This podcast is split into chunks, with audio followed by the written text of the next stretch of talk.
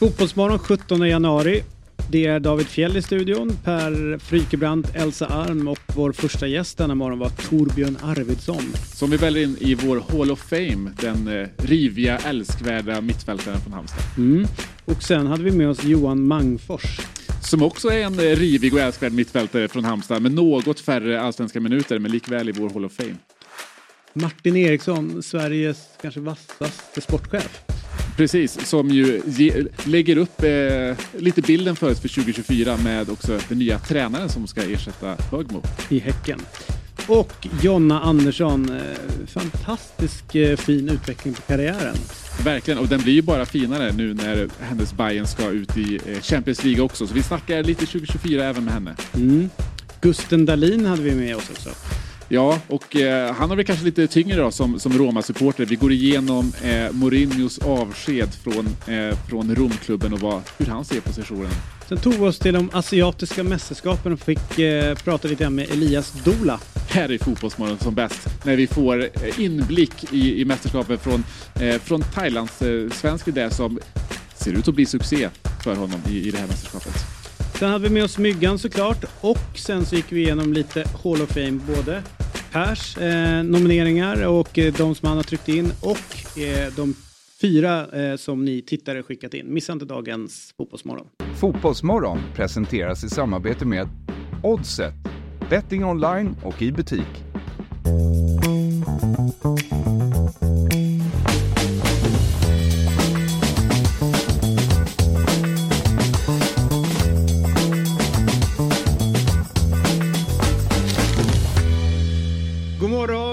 Kolla vilken härlig grej man kommer in till studion med. Eh, Väldigt De här vackert. fina eh, meddelandena vi har fått från Bonnie heter hon. Eh, alltså Micke Fahlstedts dotter. God morgon David och sen så behöver vi kanske inte gå in på hata så här på morgonen.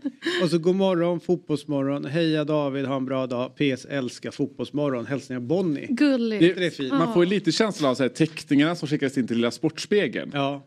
Ska vi börja med det kanske? Lyssna, jag får skicka in teckningar. Ja. Så kan vi ha... Men det roliga är att Bonnie eh, är ju, alltså, hon har inte fyllt tvåsiffrigt än. Nej. Och Elsa trodde att det var Fabbe som hade ritat det här, skrivit där. Ja, men det är... Ja, det, det kanske säger mycket om Bonnie.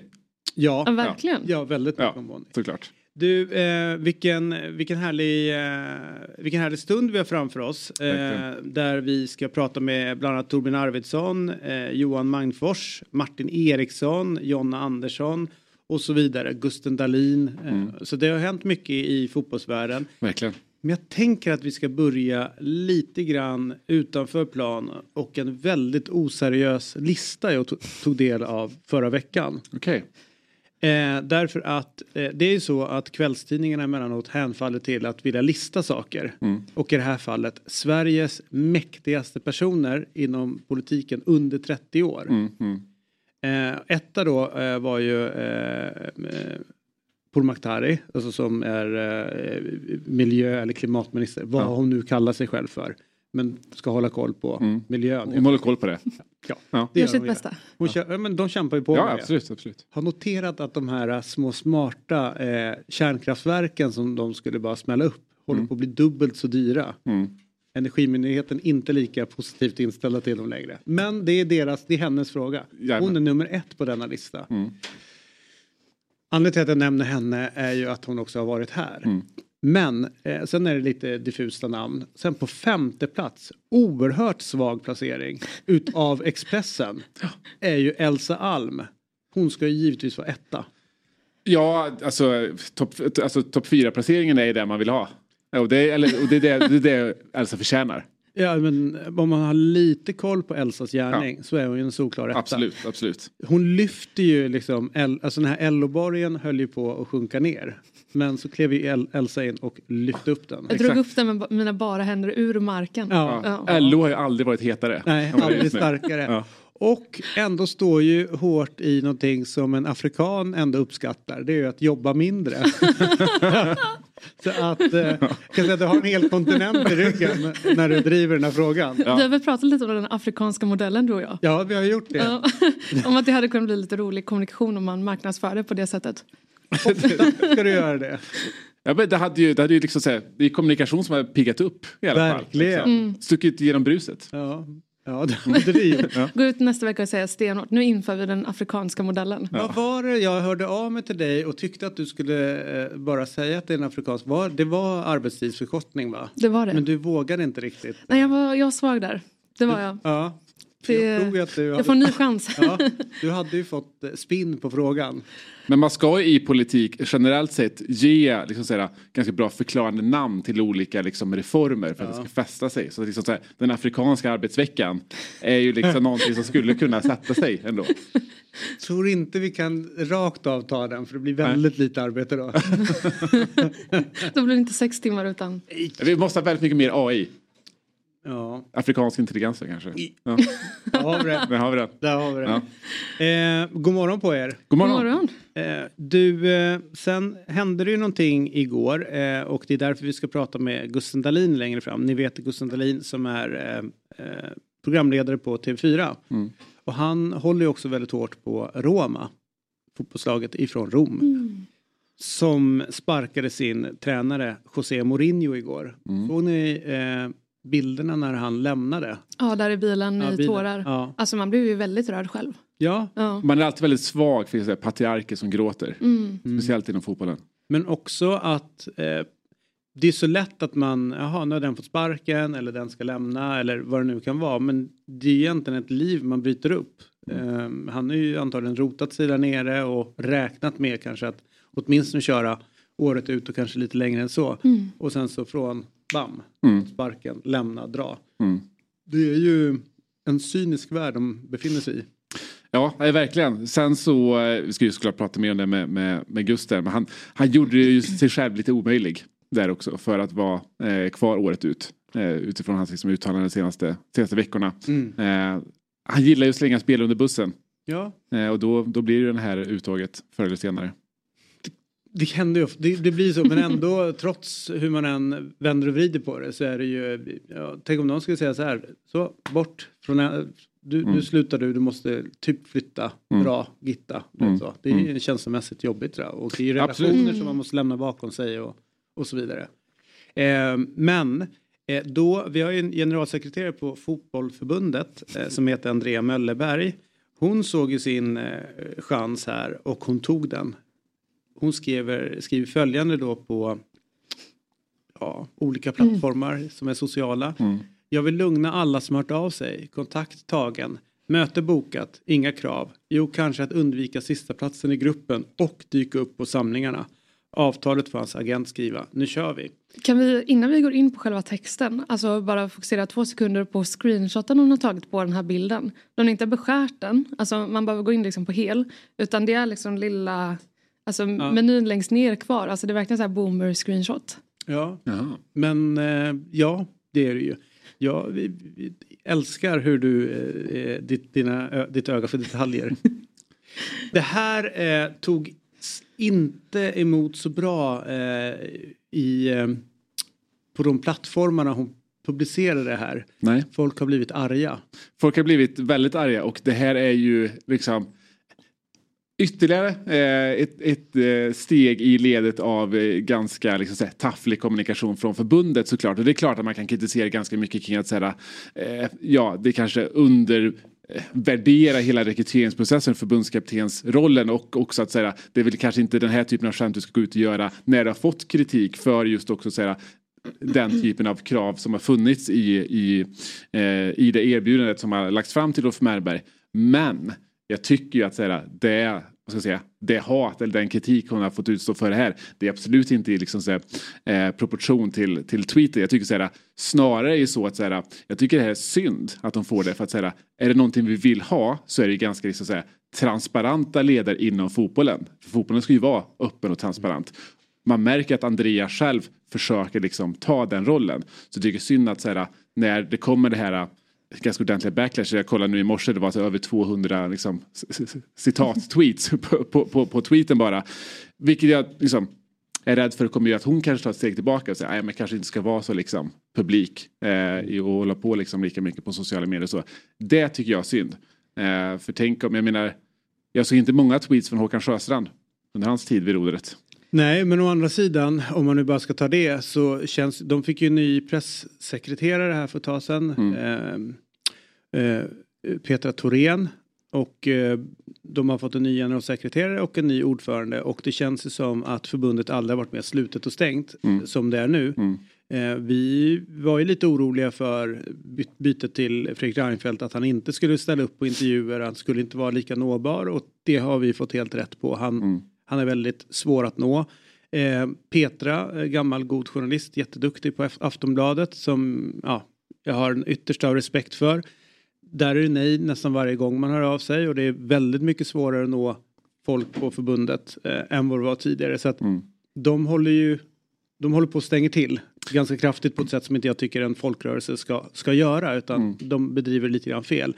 Men när det kommer till det här så känner jag att eh, det, det, är ju samma drevmentalitet nu som det var i slutet mot Janne utan nu har ju alla bestämt sig för att Andrea är dålig. Mm. Alltså allting hon gör är dåligt och då eh, ja, den här för mig det, det, det gör mig ingenting att de, mm. att de skriver det här och eh, kan man inte hålla två tankar eller bollar i luften samtidigt att man kan skämta lite grann om det samtidigt som mm. det kanske pågår en, en rekrytering på andra sidan. Att det lite taggarna utåt. Alltså ja. jag tycker också, eh, för jag fick den här tweeten skickad till mig precis när hon hade lagt ut den och det var liksom noll reaktioner, ingen hade hunnit se den än. Och då läste jag den och blev själv irriterad och bara men trött skämt, det här är liksom inte passande just nu. Men sen går man in och läser alla kommentarerna och gud vad de här alltså, osympatiska människorna får mig att ändra mm. uppfattning om vad hon skrev. Mm. Alltså de reaktionerna är så oproportionerliga att det är liksom ja, men, det är ju pinsamt. Mm. Också med tanke på att eh, när man satt här i höstas och, och följde liksom diskussionerna när Janne eventuellt skulle sparkas eh, så var det väldigt många som diskuterade ja men varför har man inte vissa former av klausuler i hans eh, kontrakt beroende på liksom, resultat och sådär många var missnöjda med det. Och nu har ju förbundet kanske då tagit åt sig den kritiken som många då yttrade och inför liksom olika former av klausuler. Ehm, sen kan man ju diskutera om det är bra eller dåligt. Jag tycker väl inte att det borde vara i varken Jannes kontrakt eller den nya förbundskaptenens kontrakt. Men det var ändå någonting som de fick ganska mycket kritik för. Och då blir det ganska dumt att nu i efterhand bli så otroligt upprörda när folk inte vill gå med på att ha liksom en resultatbaserad inriktning som väldigt många faktiskt efterfrågade i höstas. Mm. Och så, när det gäller den kritiken som liksom här rekryteringsprocessen har fått så är det så att säga, det finns ju alltid en anledning till varför man har olika krav eh, i rekryteringsprocessen. Det är klart, att när man bara har, alltså, när vi hör om de klausulerna som har funnits, att alltså vinna Nations League C, det låter ju liksom det låter ganska hårt som krav men det är klart att det finns en tanke bakom. Även om vi kanske inte alltid håller med om den. Och det är då man vill eh, liksom, se och höra från, från Andrea och vara ute och prata om liksom det, hur, hur liksom tankarna gått i det. Och det är det som är så det, det förbundet i sin kommunikation fäller krokben för sig själva när de inte liksom låter henne då vara med och prata alldeles för mycket eller vara med och prata mer kring det och liksom lägga ut texten för att säga jag gillar henne. Det är ju liksom, ja men det är ju, eh, det, det är ett driv i henne som man inte upp, har upplevt från, eh, från andra generalsekreterare tidigare. Att hon har en väldigt tydlig vision. Man vill gärna höra henne mer prata om den visionen då. För då får man en större förståelse för hela rekryteringsprocessen och förhoppningsvis också ett större förtroende för förbundet. Så att förbundet själva sätter ju krokben för sig själva när de lägger liksom, lite locket på mm. rent medialt också. Mm. Eh, jag lyssnade också på intervjun hon gav till eh, eh via Play jag tror att de var i helgen. Mm. Och då är det många som har reagerat just på den här klausulen som mm. är. Och, men när hon förklarar det att ja, alltså vi kommer möta Azerbajdzjan, Moldavien, alltså de typerna av länder. Jag kan förstå att om man har en tillsätter någon som inte klarar av att göra resultat i C-gruppen med det materialet vi har. Alla pratar ju om att vi har ett så fantastiskt material. Eh, det är väl klart att man kan ställa en form av check på det. Okej, okay, eh, det gick åt skogen i, i Nations League Grupp C. Är det här rätt för framtiden? Alltså mm. att det finns någon form av avstämning runt det hela. Att ställa krav, det känns ju, precis som du säger, positivt. Mm. Att det finns krav att göra resultat med landslaget.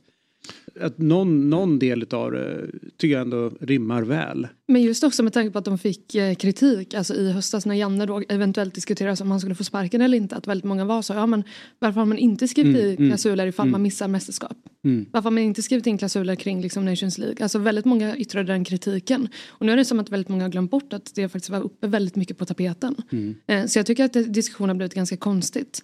Eh, Sen kan man ju diskutera om man ska göra så oavsett eller ifall man ska jobba med ett bonussystem ifall man, liksom, ja, man lyckas att man då får mer pengar istället eller liknande. Eh, Som egentligen är vanligare såklart och än att man har liksom ett negativt system så. Eh, Men jag tycker det är märkligt att många har glömt bort att vi faktiskt diskuterade det. Peter Wettergren kommer bli. Han finns på Det är din favorit, verkligen. Ja men Ja. alltså som det har blivit nu. Säg någon som är, känns bättre lämpad utav de som är. Alltså att kunna ta. Ändå ha respekten från spelarna och finnas tillgänglig och, eh, och kunna gå in och, och, och göra ett jobb eh, runt det hela. Ja. Men jag tror inte att han eh, själv vill eller de vill eller något liknande. Men jag hade valt honom. Ja, nej, men jag tror att den enda vägen framåt nu är det som vi pratade om förra veckan. Det är ju Daniel Bäckström som inte in fram till eh, vintern. Mm, ja, Det, kanske. efter succén mot Estland. Var det en succé? Nej. Du, så här är det. Vi har ju eh, hållit på lite grann med eh, Allsvenskans Hall of Fame. Och eh, vi är framme vid en som faktiskt förtjänar en plats där på riktigt. Verkligen. Eh, och när jag var yngre så spelade han fotboll eh, och jag såg ju honom spela live. Jag tror inte ni har uppfattat honom på samma sätt. Mm. Nästa gäst, framförallt inte du Elsa. det här var en tuffing, eh, det var en vinnarskalle och, eh, numera så är han eh, fotbollstränare och många undrar om han skulle vara kvar i öster efter att eh, Tofa fick gå i fjol. Jag tror att det uttalas Tofa. Tofa. Fick gå i fjol, men på just den frågan svarade sportchef Vito. Varför skulle han inte vara det? Det är såklart väldigt lätt att förstå varför man vill stanna i världens vackraste förening. Men det är inte riktigt därför vi ringer upp honom idag, utan något mycket större. I våran bok i alla fall. Den hårdast arbetande mittfältaren i vår allsvenska Hall of Fame är här. God morgon på dig, Torbjörn Arvidsson. God morgon! Hur är läget med dig? er allihopa. Det är fint. Fint. 300 allsvenska Alltså- matcher, två SM-guld med eh, HBK. Eh, hur, eh, hur högt eh, värderar du tiden i eh, allsvenskan och de två SM-gulden? Ja, det är ju olika. Livet eller fotbollen, arbetet. Det. Och någonstans har ju allting det här flytit in i vartannat. Där du, där du tidigt som ungdom börjar spela fotboll och sen får du ha det som yrke. Och då blir det en livsstil. Sen blir du ledare och då, då fortsätter den livsstilen med eh, vad det innebär. Så li, livet och arbetet har ju flutit ihop. Så det, det är ett, nästan ett och samma sak. Eh, och tiden i Halmstad bollklubb eh, med en uppväxt, eh, par seniorsäsong i Kalmar FF som moderförening, eh, får chansen, eh, då var inte det en allsvensk förening just då, får chansen till allsvenskan och flytta till, till Halmstad. Ett äventyr på ett par år trodde man just då, men det, det blev en väldig massa år. Det blev säkert en, cirka 30 år som, som spelare och ledare. Så vi, vi- vi, visst har det präglat och, och, och format. mi- Miljön har, har ju format mig och präglat mig väldigt mycket. Att vara i Halmstad och Halmstad bollklubb. Det, jag kommer ihåg eh, som att då heja på ett lag som inte är Halmstad så var ju du en, en spelare som man hade någon form av hatkärlek till. Man eh, ville ju ha Torbjörn i sitt lag därför att du hade ju en fysisk närvaro på plan. Det tilläts ju lite mer fysik på den tiden när man spelade fotboll än idag. Eh, Men, men också att ni fick ju fram spelare som man kände att du på något sätt var lite polis åt. Eh, och Fredrik Ljungberg fick ju faktiskt springa runt och ha det ganska mysigt när han visste att eh, Arvidsson var på, på plan. Hur var er relation? Ja, jag vet inte. Om, du kan säga pappa son, det vet jag inte. Men det, det, var- det var ju... Det, det, alltså i, i Halmstad bollklubbs mått mätt så var det ju en, eh, en, en stor talang och en stor kvalitet som, eh, som vi värdesatte väldigt mycket. Eh, och i detta så, så fungerar jag som jag gör och Fredrik som han gör. Så, så någonstans så tog väl inte bara jag utan flera honom under våra vingar och eh, ja, i, i, grunden är det ju för att, för att laget ska prestera. Sen att han hade de kvaliteterna så ville vi ju gärna att han skulle vara på planen och kunna prestera och leverera så pass mycket som möjligt. Och då, då anpassar du dig till den situationen.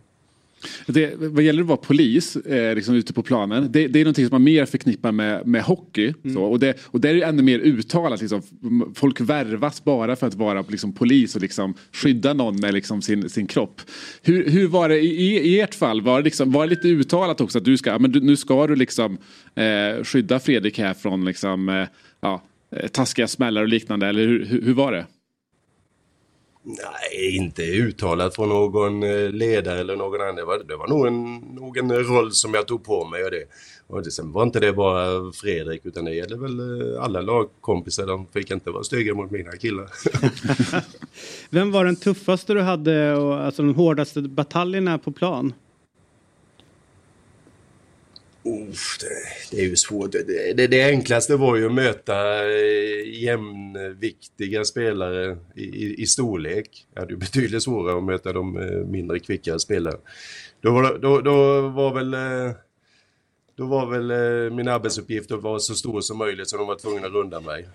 Så fick någon annan ta bollen istället. Men du har ju ett, ett antal, Christer Nordin, Mjällby, åka med. Alltså den typen av spelare som...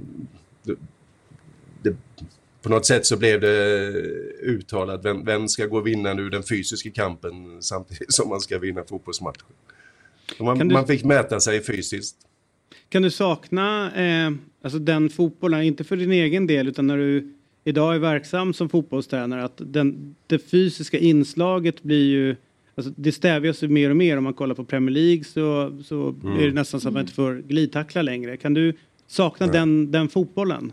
Att det fysiska, det fysiska i fotbollen? Ja, ja alltså personligen så ser väl jag en charm i det men det är, det är ju ingenting som premierar fotbollen på det sättet utan eh, jag tycker vi, vi går i eh, rätt riktning. Eh, även om jag kommer, kommer på mig själv att tycka det är okej okay att, att inte göra vissa saker som jag tycker ska vara väldigt naturligt. Eh, nu, nu eh, kommer spelarna in från träning och det, det är lite sår på sidan eh, på, på höfter och, och vader efter att de har glidtacklat och de, några är lite stolta över det och någon säger att det där skulle jag aldrig ha gjort och då, då får man sig en liten tankeställare.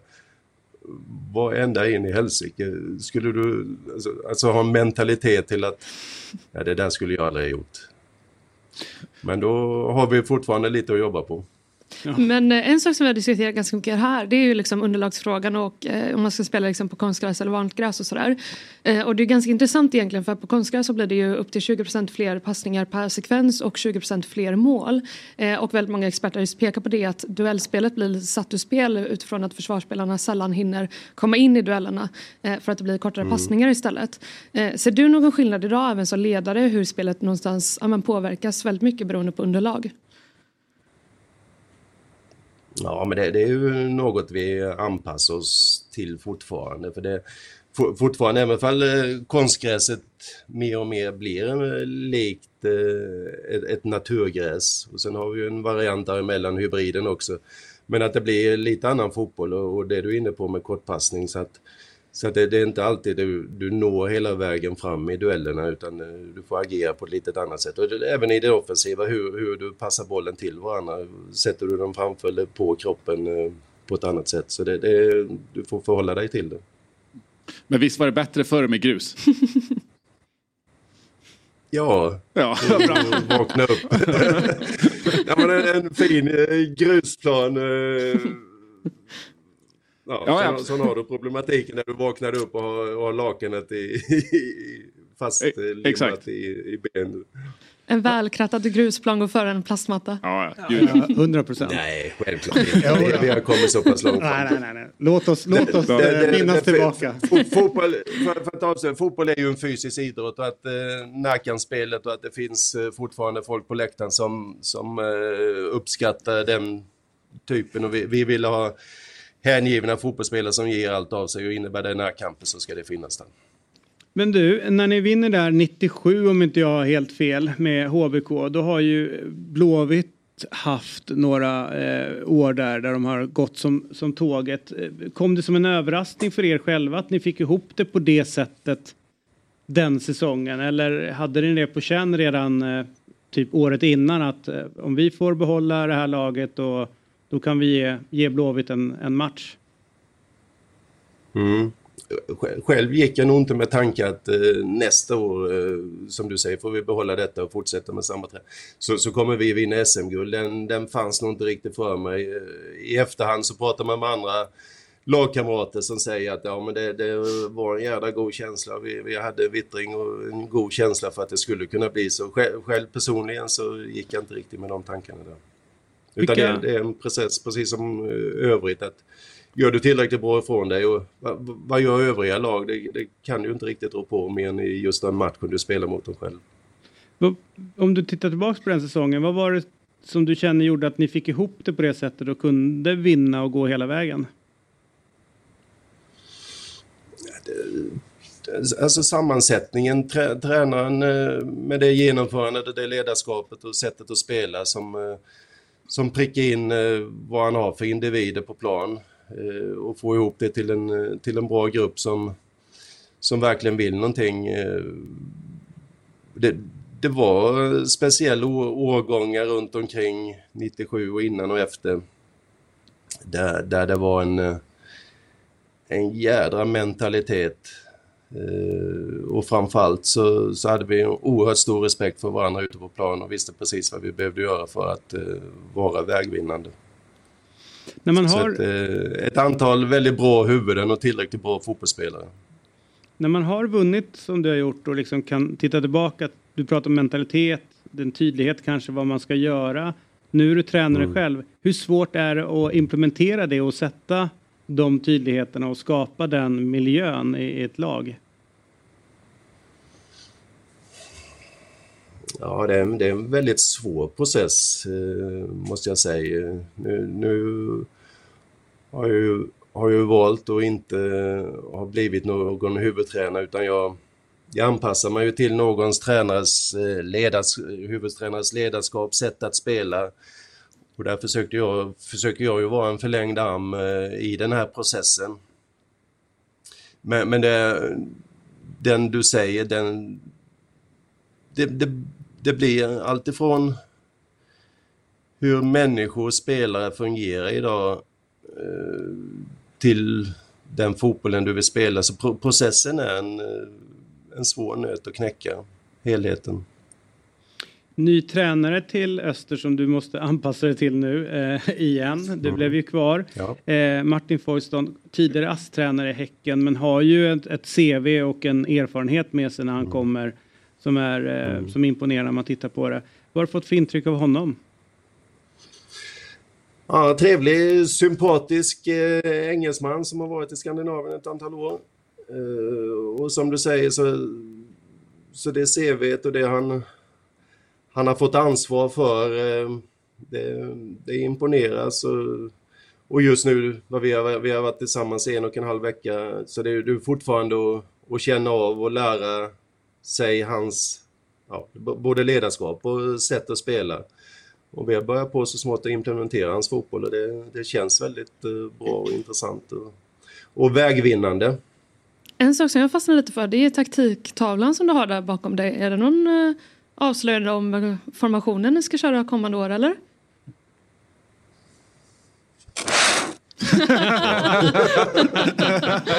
Där har vi det. ja, men det, såg, det såg lovande ut. Jag tyckte det såg väldigt många spelare ut på planen. Det var väl 22 pers där på... Det är synd, man, man, kan inte riktigt se vad de heter. Men... Nej, nej, nej. 22 pers på plan och tre avbytare. Ja. ja, men det, det, det, såg ut att bli uppflyttning. Nej, men det, det, är, det är li, lite lite annat eh, tänk i, i vägen fram. Än så länge så, så har vi fokuserat på det offensiva. Så lite andra utgångspositioner, lite annat eh, sätt att ta oss fram. Eh. Så li, lite kommer skilja. Finns det en, eh, eller så här, det är ju, om jag läste rätt förra året så är det väl Öster som i Superettan hade högst budget att röra sig med. Känner ni pressen att, eh, att ta klivet upp med tanke på att ni i, i den kontexten ni är, Superettan har bra eh, förutsättningar, kanske bättre än många andra klubbar. Hur ser ni på, på trycket som är på er? Ja, det, det, får jag ju säga att vi, vi känner av, för det är ju något... Nu har jag ju varit i den här processen i två år och det startade ju säkert innan någon stor vilja med, med alla som var involverade innan den tiden. Eh, men de här två sista åren har det känts som man har steppat upp ytterligare. Eh, strax innan vi... Jag, eh, Tofa kom in och, och jag kom in för två år sedan eh, tillsammans med övriga spelare. Så, så hade man gjort en anställning med en sportchef, en, en klubbchef och en ytterligare satsning kändes som var på väg. Och nu har jag varit involverad i den i två år så, så pressen och trycket eh, finns ju runt om och det är en, det är en, det är en förening som växer som eh, uppfattar mår ganska bra. Supportrar rinner till, eh, läktaren eh, fylls på, anställer på marknad. Så all, all, hela processen med Östens IF går framåt. Det är vi på fotbollsplan som ska ta det sista steget också. Spelare in, spelare ut. Hur känns det? De nyförvärven har fått in David Seger från Örebro bland annat. Målvakten Robin Wallinder från Gävle. Ehm, och ni har förlängt kontrakt med nyckelspelare Rodic och, och Krishak. Ehm, hur, hur, stark, ja. eh, hur starkt är truppen idag tycker du? Behöver ni fylla på med något mer? Letar ni mer? Ja, och det, och det gör vi ju hela tiden. Eh, Davito, Vito som sportchef är ytterst ansvarig så den, den processen för honom pågår ju hela tiden och även för oss ledare. Eh, sen om vi, vi ska ta in fler spelare eller inte, det, det får visa sig. Men att, eh, att nu efter denna helgen där, när tre eh, påskrifter blev till så, så känns det väldigt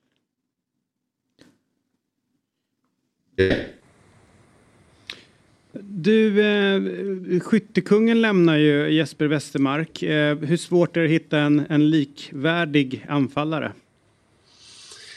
Ja, vi, vi har ju spelare i, i truppen som eh, får axla det ansvaret i, i både position. Det, det, där kanske det skiljer sig lite i, i positionerna. Och, och där säger någon att eh, han får eh, sätta på sig nummer nio benen istället för en annan positionsben. Så det, det är väl eh, upp till, till eh, bevis höll jag på att säga. Men där, där, där, har vi ju spelare i truppen som kan eh, axla det. Men eh, självklart eh, Jespers person eh, och fotbollsspel och målproduktion eh, och hängivenhet och, och vilja och allt vad han visade på plan så så, så var det ju något som var väldigt viktigt för oss förra året. Och, men det får vi se till att ersätta på ett bra sätt.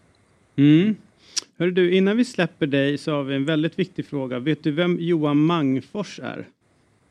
Mm. Du har koll på? Ja, berätta. Ja. Nej, det var en, en, en väldigt god kille som eh, växte upp i vår eh, miljö i Halmstad bollklubb. Mm. Och därigenom känner jag honom. Senast jag träffade honom så eh, var han inbjuden och hade ett quiz med oss. Eh, gamla, gamla HBK-ledare. Så det var, det var ett trevligt inslag. Han dök upp.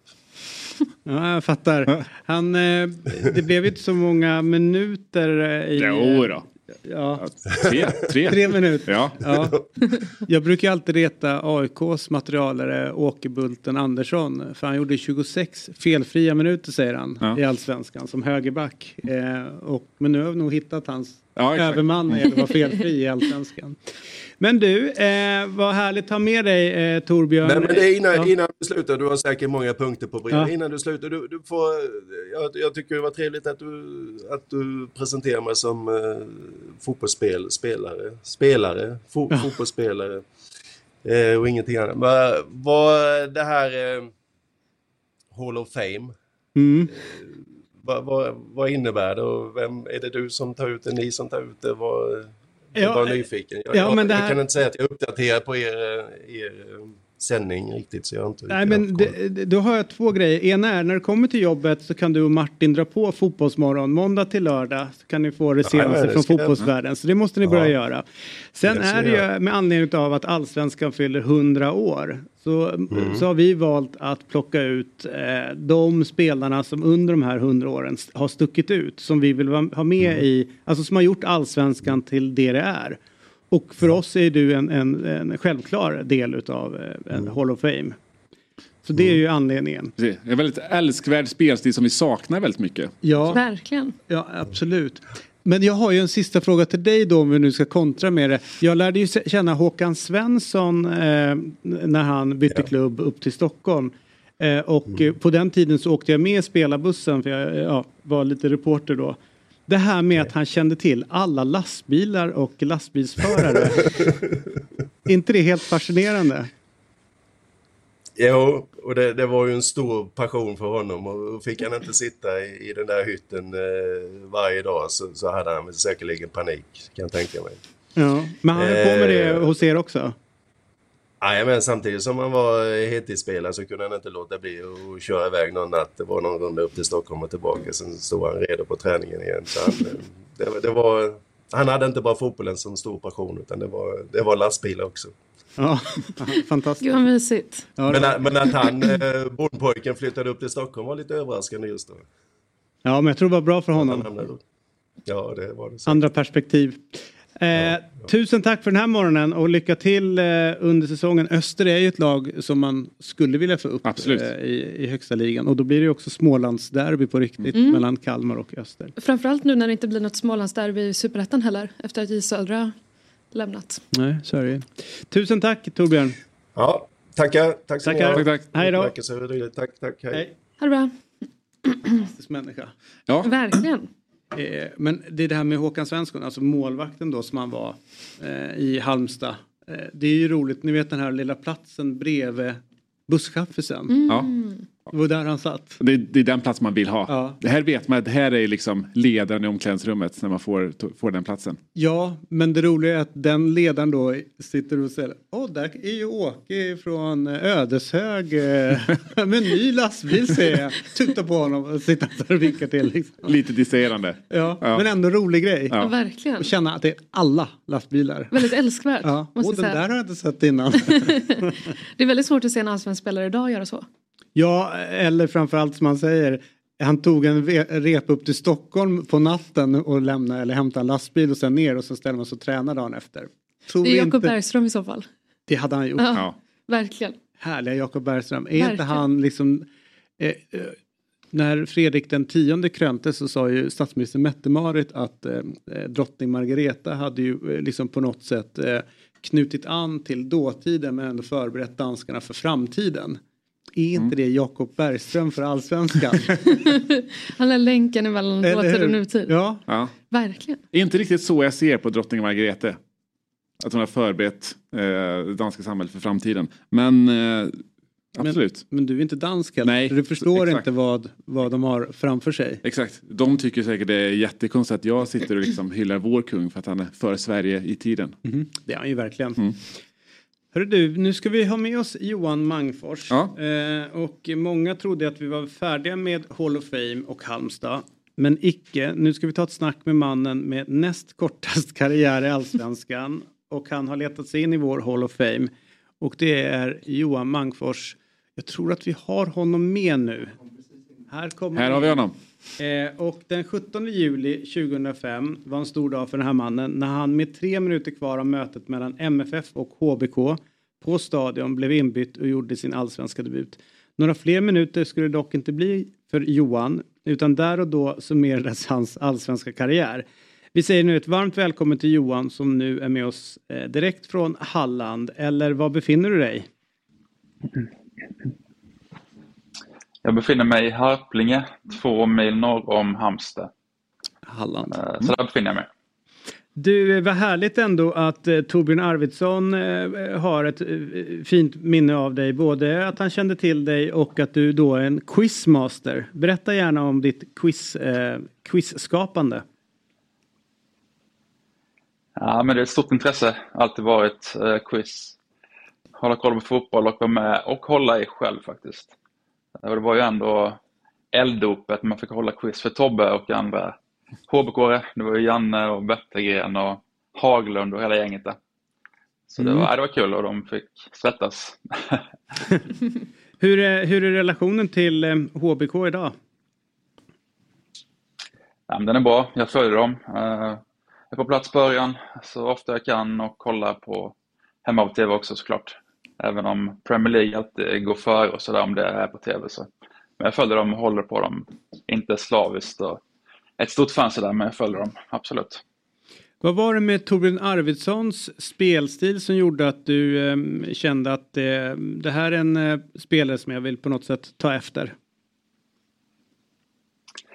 Ja, men det var ju en krigare. Det var ju det. Det var ju den typen av mittfältare som Ja, han gick av och då var ju tröjan inte blodig liksom, men den var ju smutsig, det var gräs, det var lera. Uh, det var en otrolig karaktär som är lite utdöende, definitivt idag, men även när jag kom fram så var den lite utfasande kan man väl säga. Uh, den där nick, nickspelaren och duellspelaren som gav allt i 90 minuter liksom. Som man såg upp till när man var yngre och som man sen även dela omklädningsrum med då ett par år där, så det var ju stort. Faktiskt, I, I Expressens ligabil, ligabibel 2005 så jämfördes just med, med Torbjörn Arvidsson och du fick ju då kanske inte lika många minuter som han fick utan du fick dina tre minuter. När insåg du mm. att det är de här tre minuterna jag får? det var ganska snabbt därefter egentligen får jag nu säga. Även om jag var kvar året ut där 2005 och var med på bänken några gånger till så var det ändå det var ju mina tre minuter i rampljuset, det var ju så. Utan bolltouch. Men tänkte, ska man det var ha, fina minuter, det var det. Ja.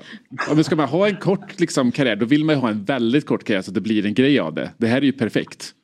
Det ska ju stanna vid liksom eh, tre minuter. Gör man tre, alltså, så här, tre matcher, fyra matcher? Nej, tre minuter. Mm. Mycket bättre. Hur slutade matchen, minns du det? Ja, det är för mycket. Ja, Malmö vann ju med 2-1. Eh, så jag har kastats in där i jakt på kvittering sista tre minuterna på topp. Ah. Även om jag var mittfältare så var det ju för att jaga kvittering då. Synd Malmö inte... vann med 2-1 eh, på Malmö Synd, synd att ni inte vann för då hade du varit obesegrad. nu blev det... Har du vunnit? Ja, eller hur. Det är en miss. Men det får de andra ta på sig. Jag var bara i tre minuter. Så. Ja, hur, hur många, hur många bolltouch eh, hann du med? Noll. Var det noll? Ja, ja det blev ingen bolltouch, tyvärr. Nej. Det var det som var grejen. Det var noll. Mm. Det inte, jag var, jag var nära en gång. Det var en luftduell med Olof Persson. Jag var nära en gång till touch. Det var en luftduell med Persson där och jag trodde att den har ju. Så jag hoppade upp och ja, den var inom räckhåll men Olof Persson en armbåge i nacken och han vann den duellen. Så det var nära men ändå inte hela vägen. Det var snopet ändå mäktigt att få gått i duell med Olof Persson. Ja, det får man ändå säga är en, eh, en allsvensk legendar. Eh, också för att hans, eh, hans sjungande på, på sidan om mm. planen. Eh, du, när man eh, är uppe i A-lag, man har gjort ändå, raljant då kanske, men du har ändå gjort inhopp eh, och ändå fått känna på det. Va, vad sa tränarna till dig liksom efter det för att, att motivera att du inte fick hoppa in eller få en start. Jag tänker att du känner väl då vid den här åldern, 20 bast, eh, har fått chansen lite grann att, ja men vad händer nu egentligen? Och du tränar på hårt och, och har Torbjörn som, som eh, mm. förebild och kämpar hårt och så här. Kände du själv att du borde fått fler chanser och hur gick dialogen med, med tränar, tränarna? Eh, ja, det kan jag väl inte säga att jag kände. Alltså man känner ganska bra var man ligger i hierarkin liksom, och man har i sig var man ligger truppmässigt sådär. Och jag var ju ändå siste man i truppen, kanske näst sista liksom. Så det var ganska uppenbart att det var ju förmodligen bara någon match det skulle bli liksom.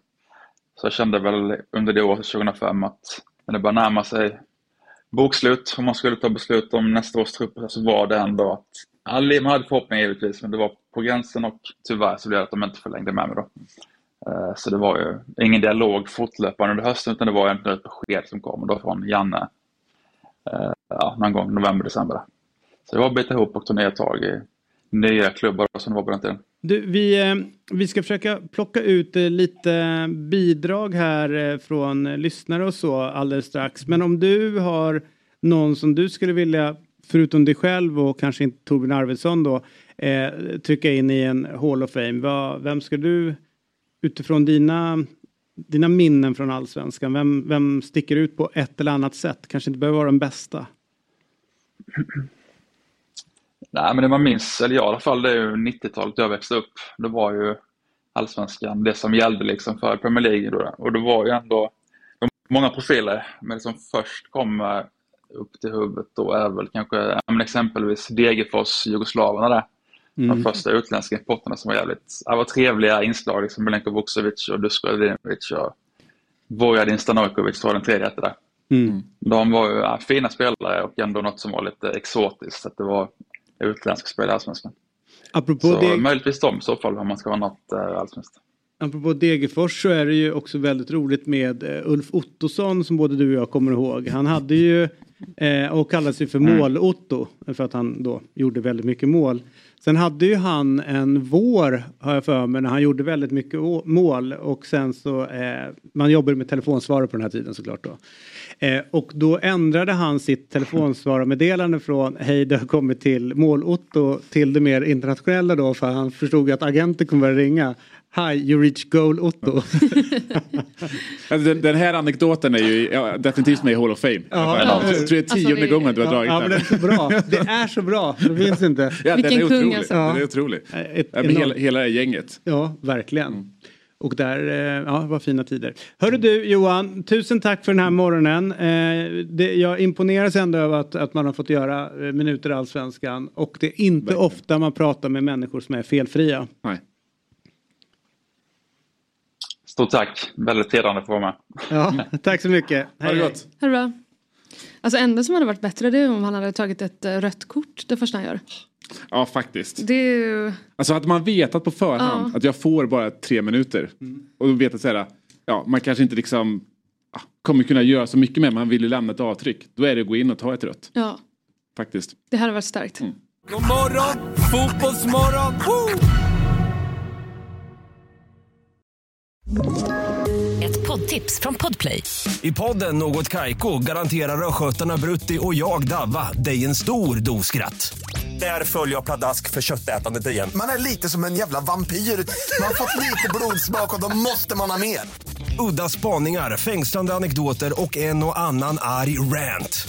Jag måste ha mitt kaffe på morgonen för annars är jag ingen trevlig människa. Då är du ingen trevlig människa, punkt. Något kajko, hör du på podplay. Därför är gardinerna. God morgon, fotbollsmorgon! Woo! Det rullar ju på här med eh, vilket, vilket tempo vi håller. Ja, vi får ingen lugn och ro. Ja. Nu eh, en apropå, eh, måste tänka vad blir det? Blir det sent 90-tal eller tidigt 00-tal? Uh, svårt. Jag tror att vi kan vara jämngamla dock, även fast jag ser lite yngre ut. Eh, så kom ju han från, eh, från Dalarna ner till eh, Göteborg. Satan vad duktig han var. Martin Eriksson som fotbollsspelare. Eh, var ju teknisk, var, eh, hade ju en eh, spelstil som eh, imponerade. Spelade samtidigt som Hasse Blomqvist i, i Blåvitt också. Mm. När eh, Hasse gör en legendarisk eh, intervju innan matchen att typ varit borta länge och säger så här, jag ska vi göra fyra lite när det var, var målsättningen. Jag tror att han gör ett mål och spelar fram till trean och lite mot Malmö just. Mm. Och den matchen spelade Martin Eriksson också. Som numera då är, är sportchef och viktig kugge i Häcken. Eh, god morgon Martin Eriksson, hur, hur är läget? God morgon. Jo, men det är bra. Eh, tack för de fina orden. Jag, faktiskt, jag hörde lite innan det, så att, eh, jag är nu lite äldre då, så jag spelar ju faktiskt med Dusko Radinovic i mm. Brage. Mm. Ja, ja, ja. Mm. Otrolig, otrolig spelare. Libro. Var med i alla, varje anfall. Ja, och, och, visst var de eh, så bra på ett sätt som nästan eh, folk förstod inte riktigt där och då hur bra de var. Eh, nej, så var det Han spelade ju i, på absolut högsta nivå. Sen så var han ju extremt vältränad. Jag tror han var 38 när vi spelade upp. Men fortfarande väldigt, väldigt trimmad. Libro som var med i varje anfall. Ja. Libro, spela med, spela med. Men Libro-rollen är ju, jag satt och pratade med några med anledning av Beckenbauer eh, gick bort. Mm. och att det där med pendeln slår. Är det någonting som skulle kunna komma tillbaka till, till fotbollen när det skruvas allt mer och mer att ha, ha den, den friheten och, och den positionen eller den spelaren? Ja, vi har väl någon form av modern nu med alla de här tre, trebackslinjerna, eller femback. Då finns det väl ändå inslag av det, även om det inte är alls på samma sätt kanske. Men eh, jag vet, ja, det, det är nog... Eh, man ska aldrig säga aldrig. Saker går väl runt i, i mode också, så att eh, det, det, är väl ingen orimlighet. Jag, jag tänker liksom de här flygande högerbackarna utan defensivt ansvar som vi ser så mycket av nu. Det är väl liksom lite halvbackar mm. vad det var förr i tiden. Ja, liksom. mm. Så det kan man se, det har ju verkligen kommit tillbaka. Häftigt, mm. man vill ju ha Libro, Libron tillbaka. Libro och halvbackar ja. och köra de här, liksom, eh, vad var uppställningen? Innerhalv. Ja, exakt. Men ja, du, Libro eh, förlänger ju karriären med, med, med, några år så det är bra. Ja, äh, Glenn Strömberg berättade för mig att äh, han var jävligt nöjd med att kunna kliva bak i banan och stå och peka de sista åren. Äh, inom form av li Libro-position. Äh, det gjorde att man, man höll lite längre. Men du, till, till Häcken då och det som ni har framför er. vi har ju noterat att ni har tappat succétränaren Per-Mattias Högmo. ni har tappat en av eh, tvillingarna, eh, Gustafsson. Eh, och eh, ny tränare in. Hur, hur känner du dig så här i den 17 januari? Nej, jag känner mig väldigt inspirerad. Jag har haft en väldigt fin uppstart. Det har varit en, en lång säsong. Så att eh, det är klart att alla var väldigt eh, slitna eh, efter det, både spelare, tränare och sportslig ledning eh, med allt som, allt som det har varit. Så att eh, jag tror nu när vi har fått kommit igång, få lite nytt blod, ny energi så känns det väldigt inspirerande ska jag säga. Och eh, nu har vi bara två träningar så det är väldigt svårt att utvärdera än så länge. Men, mm. men eh, teamet, även om det inte är helt, eh, helt intakt än så länge så, så känns det väldigt, eh, väldigt bra. Eh, det känns, som jag sa, inspirerande, det känns strukturerat och både spelare och ledare känns väldigt taggade. Så att, det är väl min, min status just nu. Varför eh, blev det Paco Johansen som fick äran att träna ditt lag? Ja, och den anled enkla anledningen om man nu ska säga så, att han, han passade bäst in på vår profil. Ehm, tillsammans med då att, att man... Jag tycker också det är viktigt den här personkemin som man får i, uh, när man träffas och och sitter ner och diskuterar i djupet. Eh, det är väldigt viktigt för, för mig att, att kunna vara transparent, att kunna vara direkt, att kunna vara ärlig, att, att ja, ha den här klyschan men, men högt i tak, men där man faktiskt eh, vågar vara, eh, säga sin mening och, och, och, vad man tycker och att vi kan ge och ta varandra. Det var väl en stor framgångsfaktor eh, för mig och Per-Mattias eh, i saker och ting och, och liksom att allt det man såg på plan var ju ett, ett resultat av allas vår input på något sätt. Eh, där vi kunde hitta liksom en bra väg framåt. Och det, är väl, det är väl så vi gillar att jobba som klubb, att vi har en, en, en, en riktlinje men där så finns det massor av kunnande och expertis och sen så eh, diskussioner kring det. Så, så det, är väl, det var en otroligt viktig faktor och det, den känslan fick vi direkt. Och sen är det ju hela innehållet eh, kring Paco. Fotbollen han står för, personerna, det här ledarskapet, lite som jag är inne på, struktur, driv. Eh, väldigt orädd i form av, det är ju klart att, att det är en, en, eh, en position att ersätta med förväntningar eh, som kommer och, och där känner han sig väldigt trygg i utmaningen.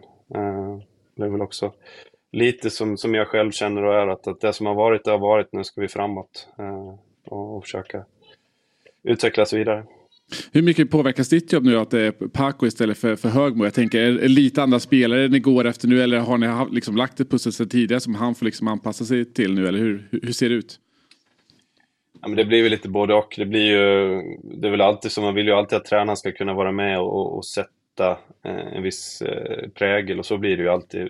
Paco kommer in med sina idéer och tankar och sen så har vi vår grundfilosofi eh, som, som vi liksom inte kompromissar med i, i totalen. Så jag skulle säga att eh, truppen passar väl eh, relativt sett bra in eh, och sen så har vi väl ganska liknande tankar om vilken typ av förändringar vi önskar göra. Så passar väl rätt så bra in och sen så blir det alltid någon detalj, någon spelare, någon position sådär som man ser lite olika på och säkerligen så kommer det också växa fram under första månaden eh, när han får lära känna spelarna lite bättre, när vi börjar spela lite matcher. Det brukar också liksom, man ser hur saker och ting eh, passar in och hur det slår, väl det slår ut med kemin mellan, eh, det kan ju alltid vara några spelare som kanske inte riktigt har funkat innan och som funkar nu eh, och vice versa. Så att det är väl lite sådana saker.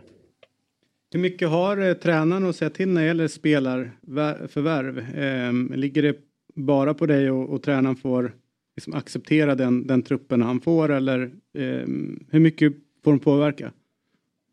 Först och främst så är det ju Erik Friberg och, och teamet vi har där som, som gör liksom grovjobbet i, i att ta fram eh, profilerna och, och det jobbet. Så det är de som egentligen, eh, och där sitter jag givetvis med och är ju deras chef, men det är de som, det är där liksom hela processen börjar. Och sen har väl, uh, Paco har ju ett, ett, stort intresse av att, att, att, vara med, vilket jag tycker är bra. Det är lite olika hur tränaren känner, men, men vara en del av processen. Men beslutsfattandet ligger ju i, till slut hos, hos mig, det gör det. Men jag vill involvera och i, i, i de flesta fall så kommer vi till någon form av enighet där vi, där vi känner att nu, nu kör vi.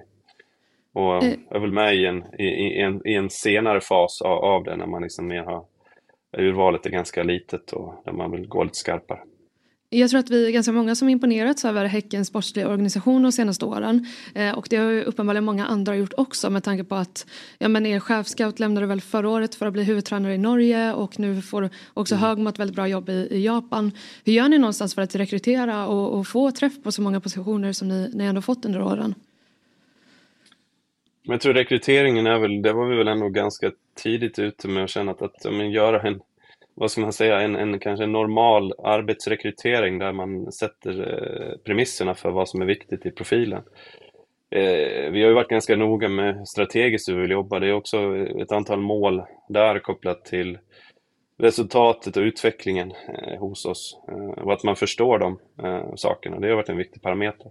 Och sen är väl, ska jag säga, när vi väl är där så är väl, är väl också det jag tycker varit vår styrka, det är ju hur vi utvecklar varandra internt. Lite som jag var inne på, att, att, att, vi, att vi stimulerar varandra att, att vi på GPA, Gotia Park Academy, så jobbar vi otroligt många, eh, både här och dam, stab, akademi och sen sitter ju hela vår organisation där med Gotia Cup och evenemang och, och det är många kompetenta personer så det är, det är många man träffar. Alltså, så det, det, är också en, miljön är väldigt viktig för oss men det, det är väl det vi har varit, varit duktiga på.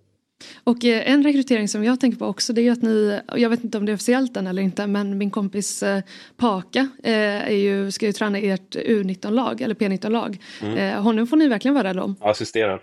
Ja. Assisterar Absolut. Ja. Toppen kille verkligen. Det är klart vi ska göra. Ja, verkligen. Och kompetent fotbollsmässigt och väldigt intressant. Han ska få börja sin bana här nu så att det, det, det ser vi fram emot. Vem är det som sätter strategin som, som ni ska jobba efter? Ligger det Eh, alltså är det personbundet i, i Martin Eriksson eller är det klubben i stort som, som sätter en strategi som ni sen måste förhålla er till? Det är väl lite både och. Vi har väl gått i, i, i bräschen i, i sporten och ligger lite ett år före klubben i övrigt eh, strategimässigt. Så vi ligger väl nu det vi egentligen ska presentera efter Q1 har vi sagt ska vi vara på plats helt och hållet med, med nästa eh, 24 nu till 27 där vi, där vi, vi har börjat implementera men, men jobbar lite tydligare också. Eh, men det är väl jag som ansvarar för den, eh, tycker det är väldigt stimulerande att jobba med det. Eh, och sen så har vi Anders Warnberg som är vår strategiska chef, utvecklingschef som, som har som uppgift att se till helheten, att den hänger ihop i, i klubben och jobba med den här typen av frågor. Eh, så det är väl egentligen vi två som sitter mest och sen så har vi ett ja, vi är väldigt formellt, med ett strategiskt råd med ett, som vi kallar för sportråd där eh, sportchef dam, akademichef och, och vi två sitter och försöker hålla ihop helheten i klubben. Och hur, mäter, så hur, vilka, hur mäter ni målen? Hur ser ni till så att ni ligger i fas med strategin? Ja, nu har det varit ganska sådär utifrån eh, generellt så att vi ser våra framgångar lite generellt kopplat till ja, men de resultat vi har gjort, de spelare vi har flyttat upp, eh, försäljningar vi har gjort och så vidare. Så att vi, där är väl en stor strävan att, att, att hitta tydligare mätpunkter och KPI då, som man brukar prata om. Mm. Kring varje, så det är väl en stor eh, utvecklingsdel som vi, som vi vill sätta i, under året.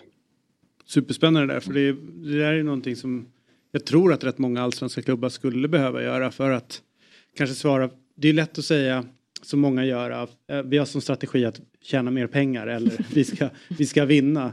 Men de glömmer ju bort det där lilla huret. Hur ska vi göra? Hur ska vi agera som klubb för att nå dit? Och hur får man alla att förstå strategin och, och alla jobbar åt, åt samma håll? Jag kan tänka på att det kanske är det svåraste att få in i, ett, i en så stor organisation som du beskriver, att alla drar åt all, samma håll.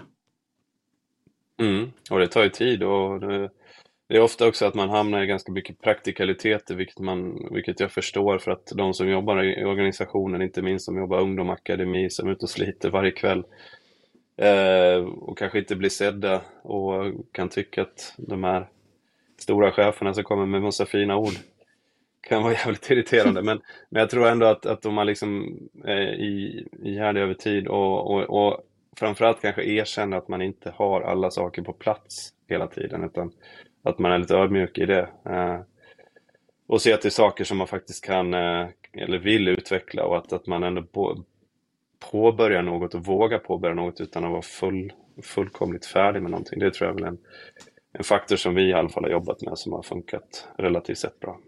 Mm. Du, innan vi eh, släpper dig eh, så en sista fråga. Om du vill, ska plocka ut en spelare eh, som har stuckit ut i allsvenskan eh, och kanske trycka in en Hall of Fame, vem skulle det bli? Stuckit ut i allsvenskan? Uh, det är så många, en spelare alltså. Uh, vad har ni varit inne på? Då går ni tillbaks hela tiden i... Ja, men du får välja när som helst. Det kan vara nu och det kan vara mm. 90-talet när du var som hetast. Hundra år bakåt. Ja. hetast, det var ju fan knappt spelat. Jag spelade Allsvenskan 2000 tror jag. Eh, ja du, vem ska vi ta? Eh, för vi måste ju ta någon från min eh, kära klubb. Vi har ju en, vi har ju en ikon som, eh, som alltid som, som tullade mig eh, någon gång och eh, spred ett fantastiskt leende.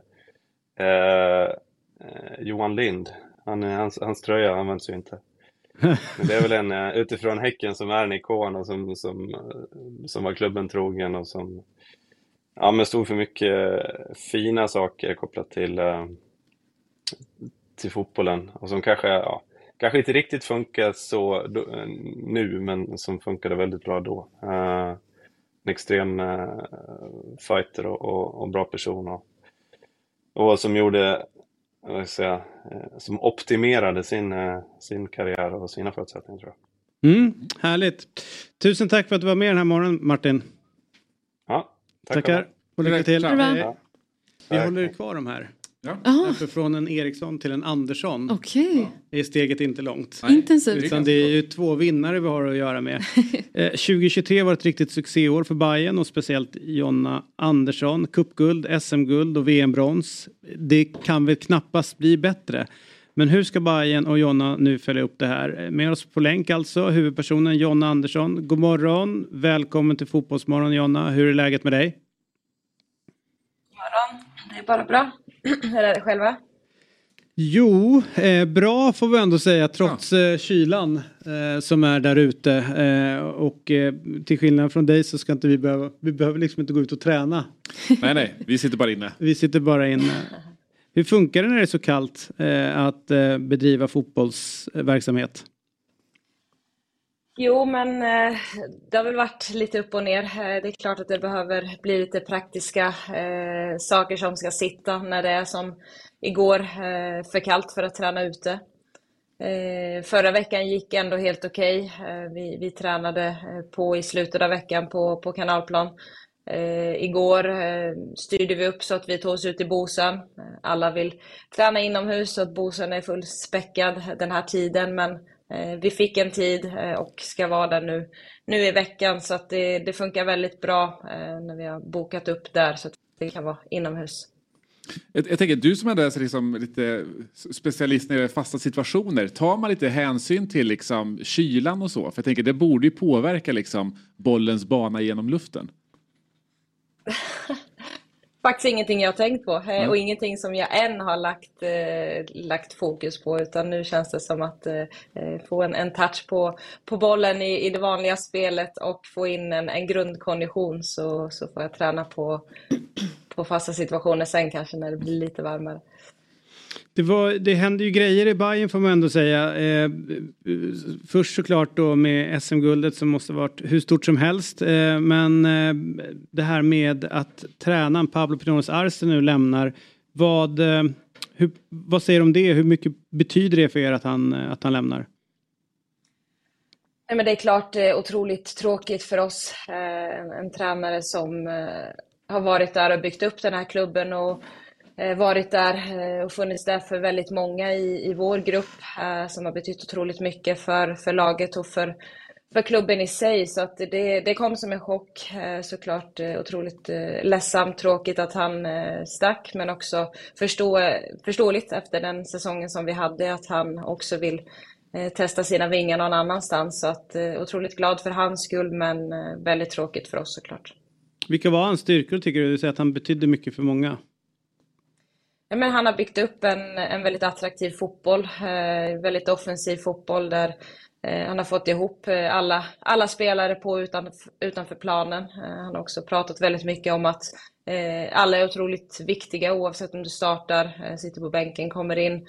Eh, och, och mån om alla personer, det är inte bara fotbollsspelet utan eh, personerna utanför planen är otroligt viktigt att vi skulle må bra också. Så att det, men en bra tränare men också en väldigt bra person. Du, eh, nu om man då ska bli lite Stockholmsmuppig här då, men eh, eh Bayern eh, vinner SM-guld, Djurgården i allsvenskan, BP i allsvenskan, AIK i allsvenskan. Vad, vad tror du att det här kommer betyda för, för Stockholmsfotbollen? Ja, men jag hoppas väl att det börjar, eller stabilisera sig, men att alla klubbar är kvar. Eh, det, det har ju varit lite upp och ner och, och kanske lite svårt för, för vissa klubbar att satsa och bli stabila eh, klubbar. Så det, det är skitkul att det är många Stockholmslag med eh, och att det blir många stora derbyn som är väldigt, väldigt speciella i Stockholm. Eh, så att jag hoppas att, eh, att det kan fortsätta så att det blir ja, men en vana att det är många lag i Stockholm som men, men det är klart, det, det är svårt. Det, även om det är en stor stad så är det svårt att få kanske in många topplag i, i Stockholm. Men det är klart att det är en förhoppning. Och, ja. Efter eh, SM-guldet nu så väntar ju Champions League-spel för Hammarby i år. Hur eh, förbereder ni för det i truppen? Eh, sett till att värva in spets eller, eller liknande. Hur, hur märks det av att ni, ni förbereder för eh, tvåfrontskrig om man ska kalla det på det sättet? Men vi är ju medvetna att det kommer komma. Eh, dock är det väldigt långt fram. Eh, så att för oss så, eh, det är klart att klubben jobbar och, och vet om det, vad, vad vi behöver och, eh, och så. Men, men, för oss är det otroligt viktigt att eh, ja, fokusera på vad som är nu. Eh, vi, vi kan inte börja tänka Eh, ja, men, som lag på, på vad som händer i höst utan vi har en, en vårsäsong att, eh, att spela en kupp. Eh, sen eh, fullt förtroende till att klubben gör det yttersta för att vi ska kunna vara med och, och campas i, i Champions League. Men det är klart att eh, en, en, bred trupp behövs. Det behövs eh, lite spetskompetens men jag, eh, jag tycker att vi har en otroligt bra grupp som kan definitivt ta oss igenom det här året. Men för oss, vi har inte tänkt jättemycket Champions League än i alla fall. Men måste kännas eh, lite roligt ändå. Alltså man måste kanske gå runt och tänka lite på de matcherna och, och de eventuella motståndare man, man, kan få. Vi såg ju när Häckens eh, damer slog ut Real Madrid nyligen exempelvis. Och det, det blir väldigt häftiga matcher. Eh, är det någonting som man kan längta lite efter då? Ja, det är klart. Det är ju en ett mål som så många spelare har och som klubben har haft nu. Och, och, nu står vi i den situationen att vi faktiskt ska gå in i ett Champions League-kval och förhoppningsvis kunna ta oss vidare därifrån. Så det är absolut något eh, som, som, vi spelare, men, men också klubb, fans längtar otroligt mycket eh, till, absolut. Du, eh, låt oss eh, lämna eh, allsvenskan lite grann och ta oss till landslaget som, eh, jag sa ju det att VM-brons med dig in och sen så blev det inte riktigt vad ni hade hoppats på eller vi heller, hade hoppats på eh, när det gäller kvalet till, till OS. Hur, eh, hur surt är det nu när man tänker på det? men otroligt eh, surt såklart. Eh, det var en tuff grupp, absolut, men, men också matcher och prestationer där vi kanske inte känner att eh, eh ja, det gick våran väg eller att vi presterade på den nivån som vi ville. Så att eh, otroligt tråkigt och tungt eh, och framförallt att vi inte kunde klara den andra positionen utan nu, nu blev det eh, tredje plats så att vi måste kvala för att hålla oss kvar. Så att det är väl kanske den som jag tycker svider tyngst. Mm. Vad, vad, vad, tror du var som gjorde det att liksom, de prestationerna kom där i Nations League? För jag tänker, det är väldigt kort emellan VM och att Nations League drog igång. Det är VM där det var liksom ja, men fantastiska prestationer eh, där medan då som du, som du säger liksom, kanske lite mer önskar då i Nations League men ändå så kort emellan det. Vad, vad är det som gör att det liksom skiljer så mycket på så kort tid?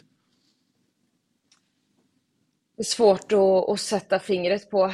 Det känns som att ibland har man tyvärr som, som fotbollsspelare sämre dagar och bättre dagar. Eh, eh, sen var det inte katastrof, men absolut inte den nivån som vi känner att vi, vi kan spela på. Eh, sen möter vi som, som Spanien ett otroligt skickligt lag och eh, vi är ändå med in i det sista, men sen går luften ur lite i andra halvlek. Och, ja, det var motigt helt enkelt. Sen är det svårt att sätta fingret på exakt vad det var. Eh, sen möter vi Schweiz i snöig match som, som heller inte fotbollsmässigt blir eh, dit vi vill det. Så att, eh, ja, otroligt tungt. Mm.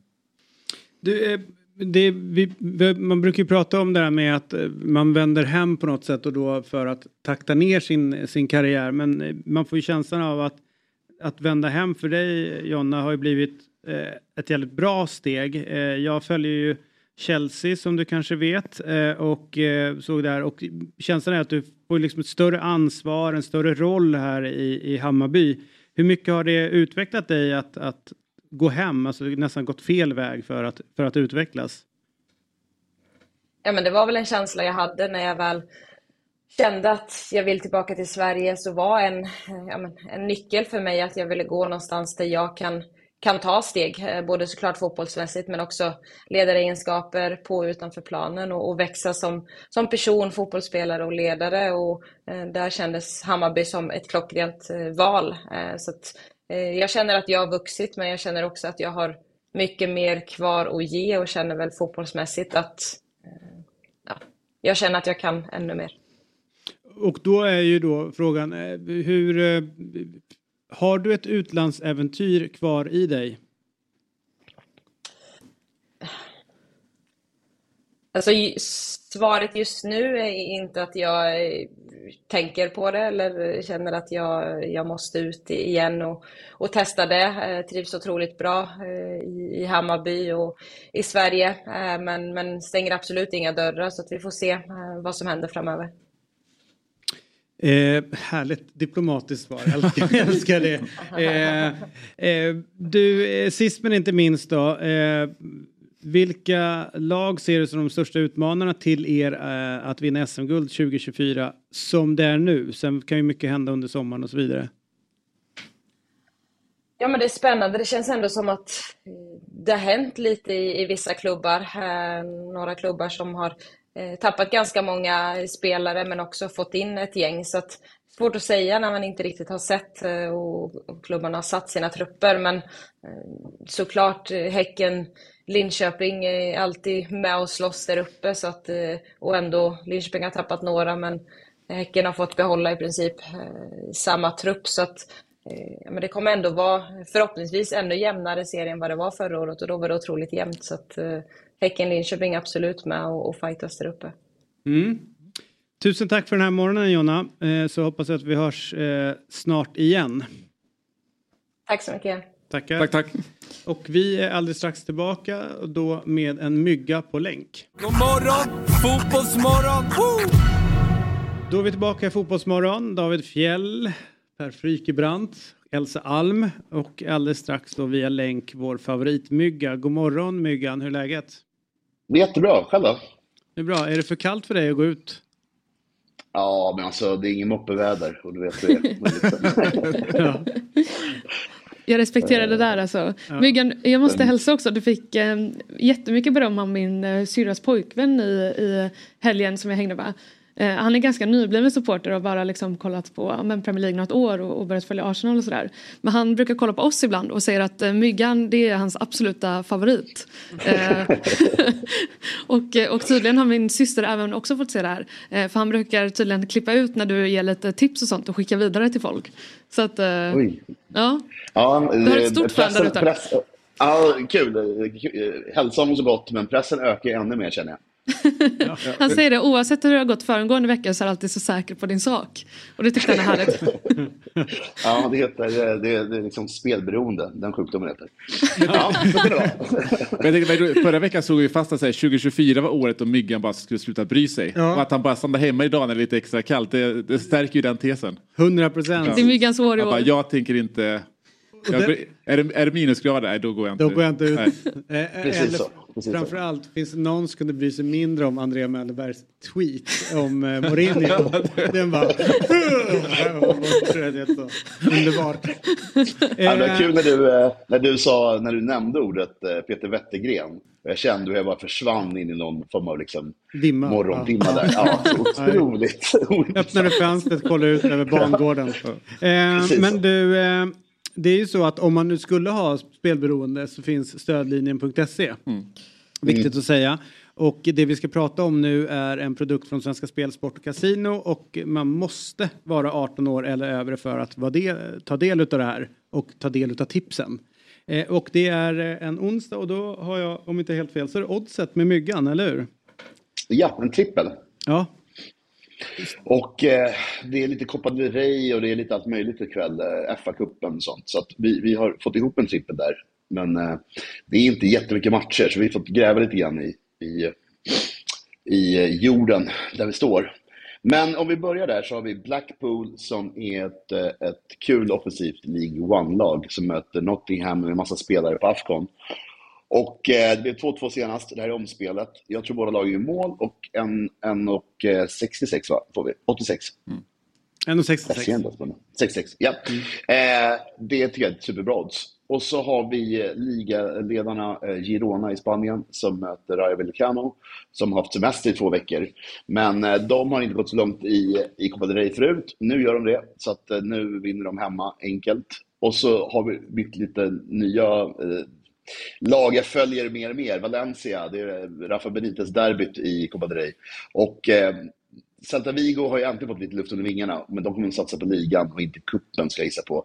Jag tror inte Aspa spelar ikväll och därför tror jag eh, Valencia vinner ganska enkelt. Och då har vi 6,22 totalt i odds. Mm. Får, eh, ja. Kommer inte långt med de där 62 kronorna kan jag säga. Det blir en bulle. Får lägga dem på Nej, hög hela så- Ja, exakt. Men det är 2024. Man kan trycka på 15 spänn ikväll tror jag, så får vi, får vi en lunch. Ja. Inflationen är på väg ner. Det, det är det som är grejen. på väg ner, Så exakt. jag, behöver inte, jag kan inte trycka upp mer. Då är det ju jätte... Förra året kanske Ja. hade det varit rimligt. Ah, kanske 20 okej. kronor. Men i år så är det ju... Mm. Den är ju på, eh, vad var det de sa? 2,6. Det är lite olika Eller- mätt. Ja. Eh, ja. Lite för högt. De var ju upprörda. Det skulle bara varit 2,3 nu egentligen. Ah, Vi hör ju hur de pratar. eh, men du, eh, det är lite spännande här. Du säger Nottingham har många spelare borta på eh, Afcon. Eh, och dessutom den här eh, straffet hängande över sig. Vad, hur tror du det kommer påverka laget? Klubben? Eh, alltså, jag, jag tror att eh, det kommer att påverka en hel del för att de andra lagen, det är ett rätt bra Premier League-år i år. Det är kul, man borde göra en grej på det egentligen för att det händer lite saker. Notts County och Wrexham i League 2 har ju sådana enorma pengar. Mm. Så League One-lagen vill ju verkligen ta sig upp i år och det får en effekt på Championship också, att de också tar sig upp för att nu kommer det mycket pengar nerifrån. Så att det är inte ett bra läge att börja trilla ner i divisionerna utan nu ska man nog ligga kvar där man är. Och jag tror Nottingham kan få det väldigt svårt och, eh, eh, i och med det här po- poängavdraget och deras skador också. Mm. Och det är väl Everton är ju, tycker man nästan synd om för de har ju blivit straffade en gång Ja. för, eh, Mm. för eh, Financial Fair Play eller brott mot det. Men ganska många poäng också. Ja, 10 Mm. poängs avdrag. Och nu blir de straffade igen. Där de dessutom då blir straffade för samma förseelse igen. Mm. Eh, och ska överklaga det. Har du fått någon, du är ju ändå du, du rör dig i Liverpool, eh, staden Liverpool med tanke på att du håller på det laget. Vad, Mm. Hur går snacket runt straffet runt eh, Everton? Ja, men det är väl det där att ha två saker i huvudet samtidigt. De har ju svårt, jag förstår det också, det är jätteklurigt det där. Det känns ju väldigt taskigt att, att få ett, ännu ett straff för någonting de själva hävdar att de har rapporterat in. Men med det sagt har vi brutit reglerna och det intressanta var väl igår att de sa att eh, eh, den här Manchester City-härvan däremot, eh, vi kanske inte får ett beslut, även om det kommer eh, ja, nästa år eller, eller om ett år ungefär. Så verkar det som att där har vi mer kött på benen än vad man tror, vad man läste igår. Så det är ju jättespännande faktiskt. Alltså att de, eh, att de har gjort, det finns bevis på att de har gjort fel Alltså, eller, både- eller är det så att City har kött på benen så de kan försvara sig i det de har gjort? Eh, City kommer ha garanterat kött på benen för att försvara sig och, och pengar för att göra det. Men det verkar som att, som att FA ändå har någon tidslinje för, för, för City nu och även då för den här Chelsea-härvan som också är lite svår att förstå egentligen vad som har hänt i och med att det är Abramovic som är den skyldiga och inte Todd Bowley. Så att det, det, I Citys fall är det nio år av, av, av eh, någon form av sponsorfusk. I Chelseas fall vet man ju inte riktigt. Det är vissa år under Abramovic så att säga, som, som de ska ta upp. Men eh, jag är jätteglad att vi får se lite beslut och jag tror att de kommer att ändra reglerna nästa år till Uefas regler. För att det blir enklare att följa då Uefas eh, regelbok i och med att de engelska lagen spelar i Europa. Och det kommer göra det lite enklare för oss andra att förstå också tror jag, hur det funkar. En sak som debatteras ganska mycket i parlamentet för att fotbollen i, i England är lite mer sammankopplat med, med politiken än vad den är i Sverige. Och där diskuterar de jättemycket i att så här, ja, men det måste finnas ett oberoende, en oberoende kommission någonstans som granskar och liksom utdömer straff. Eh, och det är lite intressant för att eh, Shadow Minister of Sports eh, för Labour hon är ju eh, eh, Liverpool-supporter och hennes pappa är någon så här jättekänd Liverpool-trubadur-gubbe liksom. Eh, så att, eh, jag tror att hon är ganska personligt investerad i liksom, att få till en, en oberoende kommission sett till att Liverpool är de, ett av de lag som kanske drabbats hårdast av att ja, men City har fått göra lite vad de vill med det här regelverket eftersom man har varit tätt bakom under hela tiden.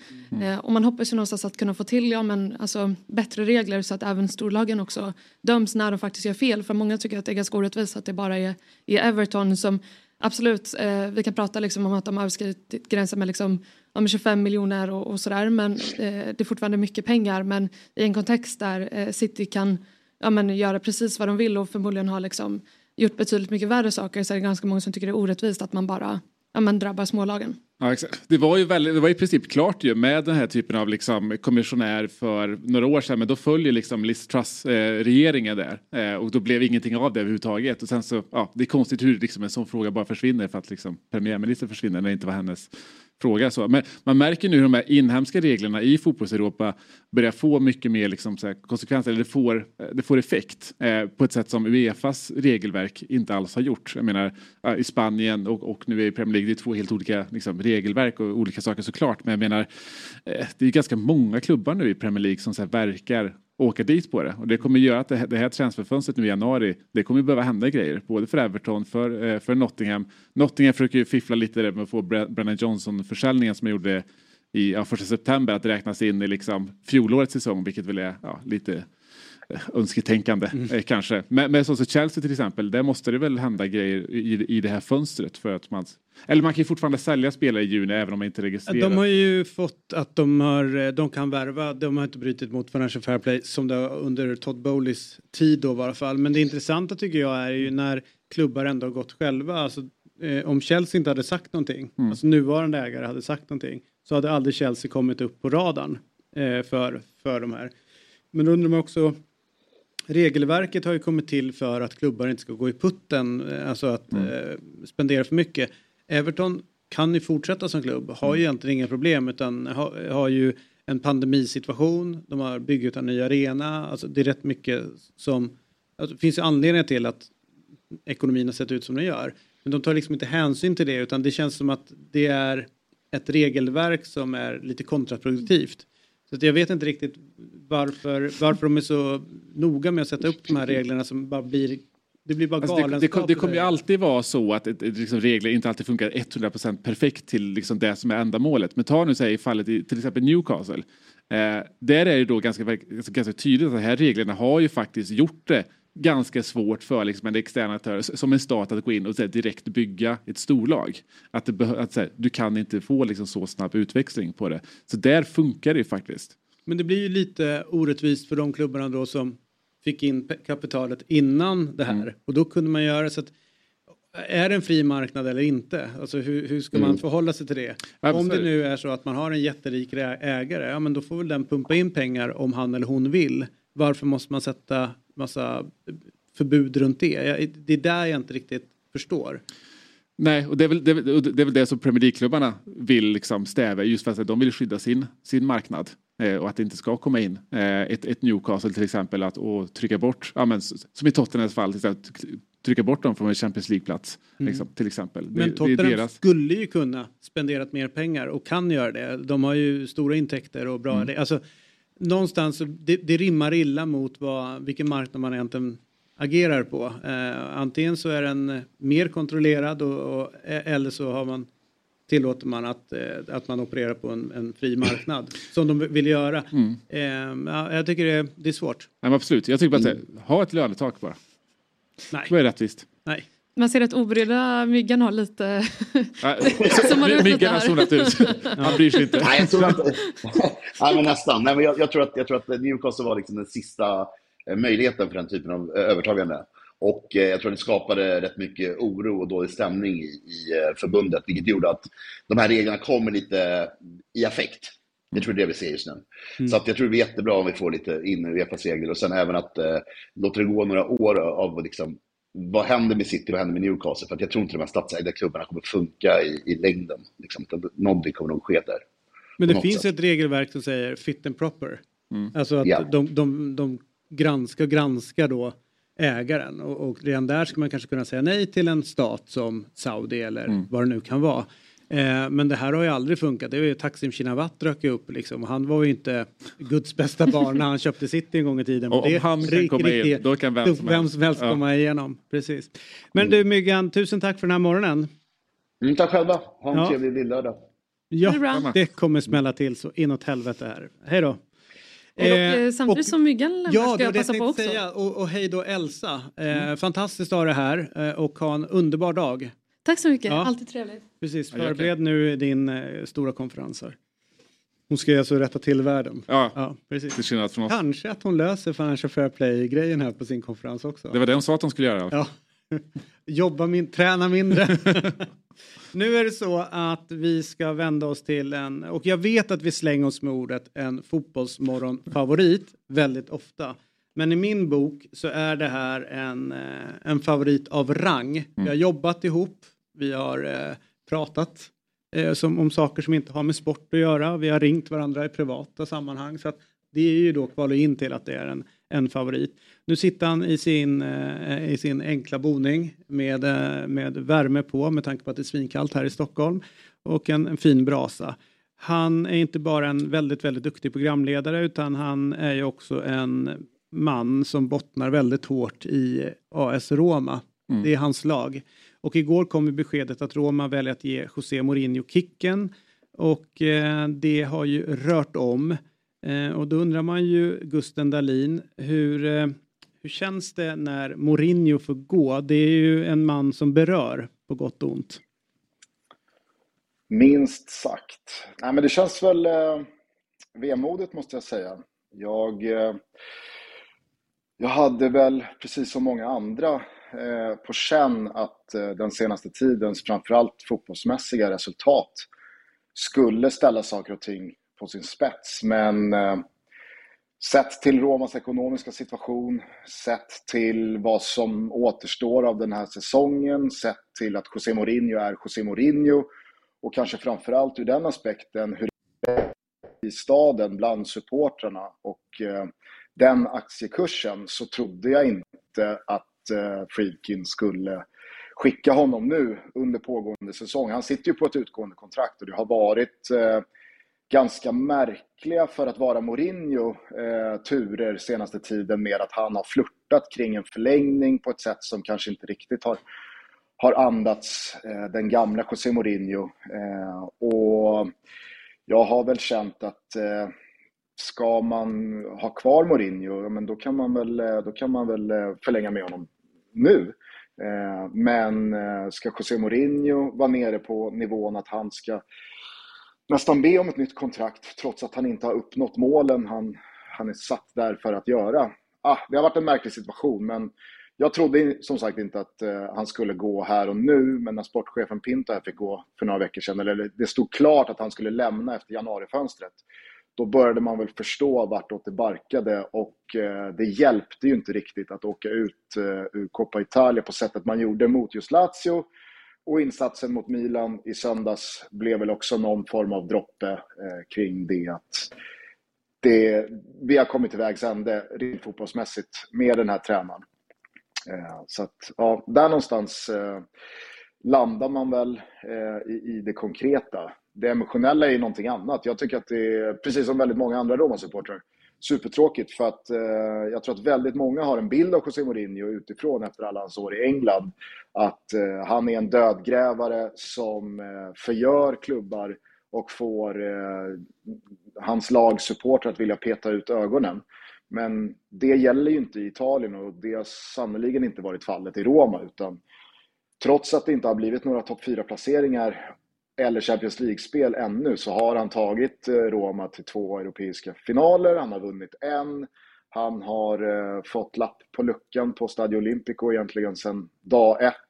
Eh, han har eh, byggt upp ett band till supportrarna med all önskvärd tydlighet som, som har visat att han har brytt sig mer än kanske någon annan Roma-tränare har gjort de senaste 20 åren.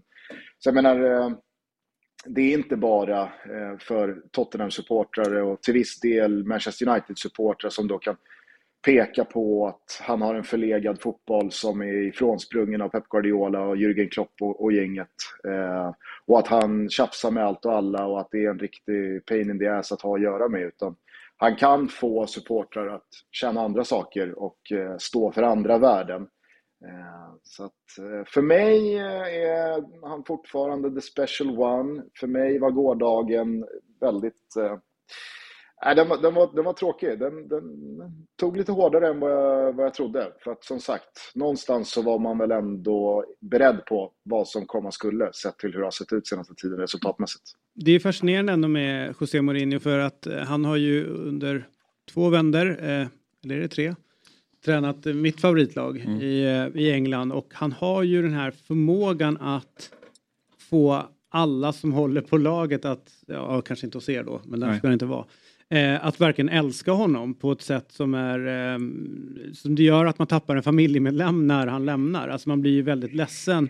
Eh, men eh, vad är det för, alltså vad är det för hur mår klubben och laget nu när han lämnar? Alltså skulle det kunna funnits en chans att att han skulle kunna vända om det här, att ni skulle kunna få er topp 4 placering eller, eh, eller nå Champions League då under honom. Du, du, du, såg inte det hända kanske nästa år om, med, liksom, om han hade fått de värvningarna som han har velat få eller att Tam Abraham inte hade gått sönder eller ja, och så vidare och så vidare. Jag tror att alltså, man måste kunna hålla två tankar i luften samtidigt kring José Mourinho. Att det går att älska honom som tränare, som karaktär och person och som du säger, någon som bygger upp en identitet, vi mot världen-känsla och, och, och, spelar på, på strängar som är otroliga att, att lyssna till. Men man kan ju också se på José Mourinho samtidigt som någon som de facto inte längre är en av världens bästa tränare, som inte kan få sitt lag att spela fotboll på mer än ett sätt. Och det är ju ett sätt som det funkade för tio år sedan. Ehm, men idag så är fotbollen en annan. Mittenlagen, bottenlagen är eh, de, de är bättre, men framförallt så är topplagen bättre. De klarar av att eh, knalla runt den där parkerade bussen och luckra upp eh, det försvaret man ställer upp. Det, och, och, får du inte resultaten med en sån fotboll som José Mourinho spelar, då har du ingenting att vifta med. Så jag kan väl någonstans, samtidigt som jag sörjer att José Mourinho lämnar Roma, också se nyktert på den sportsliga situationen och konstatera att Roma ligger nia efter mer än halva säsongen spelad.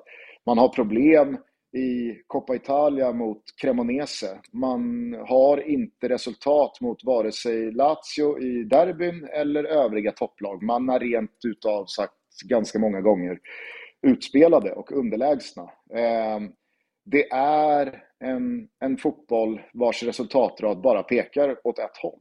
Så att jag tror inte att José Mourinho hade styrt upp en, en, en fjärdeplats eller en Europa League-seger den här våren. Det tror jag inte. Och då kan man ju såklart eh, inte, inte skylla på så mycket när man har fått tre år på sig och man faktiskt har eh, haft möjlighet att plocka in spelare som Paolo Dybala och Romelu Lukaku och så vidare och så vidare. Men Eh, det, det är som alltid i fotboll, små marginaler. Man ska ju vinna Europa League för eh, ett knappt år sedan när man blir rånade på en hands i förlängningen i Budapest mot Sevilla. Vinner man den turneringen, då har man två Europacup-titlar. Man säkrar Champions League-spel via Europa League-segern. Så då är det ju check i boxen på de parametrarna. Då har du någonting helt annat att jobba med också fönstren följer, man ska spela Champions League och så vidare.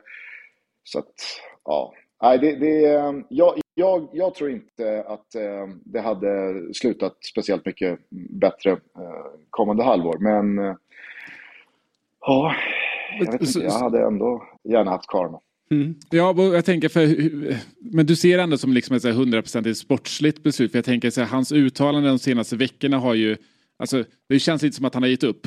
Eh, och att det även har liksom, ja, vi vet ju alla hur han har liksom, i, i våra klubbar också behandlat delar av spelargruppen. Så att det känns ju också som att, kan det ha varit spelartruppen i sig som man liksom har försökt eh, få bort honom där? För att det har ju varit uttalanden där man känner att så här, ja, det kanske inte är en supertaggad spelartrupp. Alltså just det där gentemot eh, diverse spelare där tror jag att man också ska vara försiktig med att generellt döma ut det som ett purt negativ tillvägagångssätt. Alltså, jag tror att det många gånger under Mourinhos karriär har varit spelare som har fallit ur ramen och som då kanske har förtjänat att få lite spott och spe medialt eller att man visar från högsta ort i hans fall då att det är jag som bestämmer och ditt uppträdande passar inte jag kan liksom inte till 100% säga att om man tar Rick Karstorp som exempel i Roma, att nej men där hade José Mourinho helt fel och det blev inte bra och hela spelargruppen vände sig emot honom. Det är svårt att veta. Där får man väl någonstans lita till att José Mourinho med all hans erfarenhet och, och, och alla hans eh, år i det här eh, rummet vet vad han gör. Eh, men när jag nåddes igår då av att eh, ägarna, Freakin, igår tillsammans med Daniele De Rossi på Trigoria ska ha skickat något typ av budskap att no more excuses. Då läser jag snarare in det som att jag kan se mellan raderna att det finns en spelargrupp som kanske snarare tröttnat på det fotbollsmässiga. För det är väl klart att tittar du på Roma mer än 90 minuter så ser du ju ganska så många oförlösta spelare som inte får spela den typ av fotboll som kanske gynnar dem bäst, som kanske får fram det bästa ur dem. Och är det då så att en spelargrupp av sådana anledningar vänt emot sig tränaren och att det har skurit sig på det sättet, ja, då får, jag, då får ju ägarna agera på tränaren, men att det då skickas en signal till spelarna att nu har vi lyssnat på er. Nu har vi flyttat på den här tränaren. Så nu finns det inte längre någonting för er att skylla på. Det är så jag läser ett sånt budskap från Freakin att no, no, more excuses till spelare som Paredes och Dybala och, och, och gänget som jag kan tänka mig eh, känner att José Mourinhos fotboll inte är den bästa för, för deras egenskaper. Mm. Och man kan väl tolka liksom utnämningen av De Rossi också lite eh, i enlighet med det budskapet också?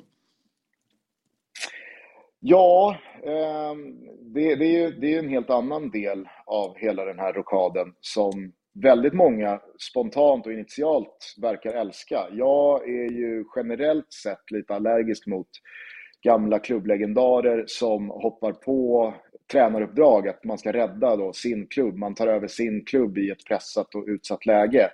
Och man kanske inte riktigt tänker efter vad det potentiellt kan göra med ens legacy ifall det går ännu sämre eller likvärdigt dåligt. David sitter ju där färsk med Frank Lampard i minnet, vad, det kan göra. Och man har sett Alan Shearer följa med Newcastle ner i eh, Championship och i Italien ska vi inte prata om hur många exempel som stått på den där linjen för tidigt i sin tränarkarriär. Daniele De Rossi har gjort ganska så dålig vända i Spal i Serie B. That's it. Det är vad han har gjort från, från tränarlinjen. Med det sagt så dömer inte jag Daniele De Rossi som en potentiell eh, tränare i framtiden, men han är inte... Och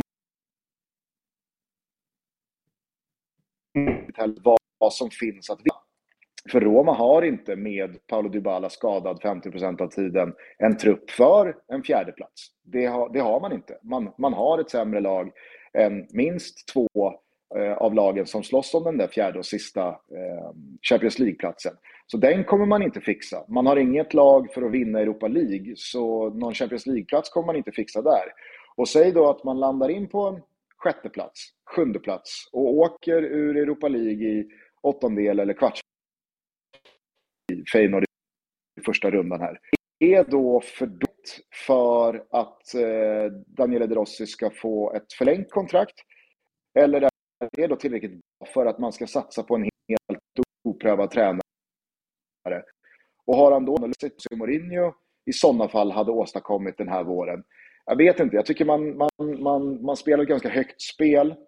Man har satt sig i en situation där det är väldigt svårt att se vilka resultat den här eh, vårsäsongen ska leda till något, något, något, en klockren lösning för, för alla parter.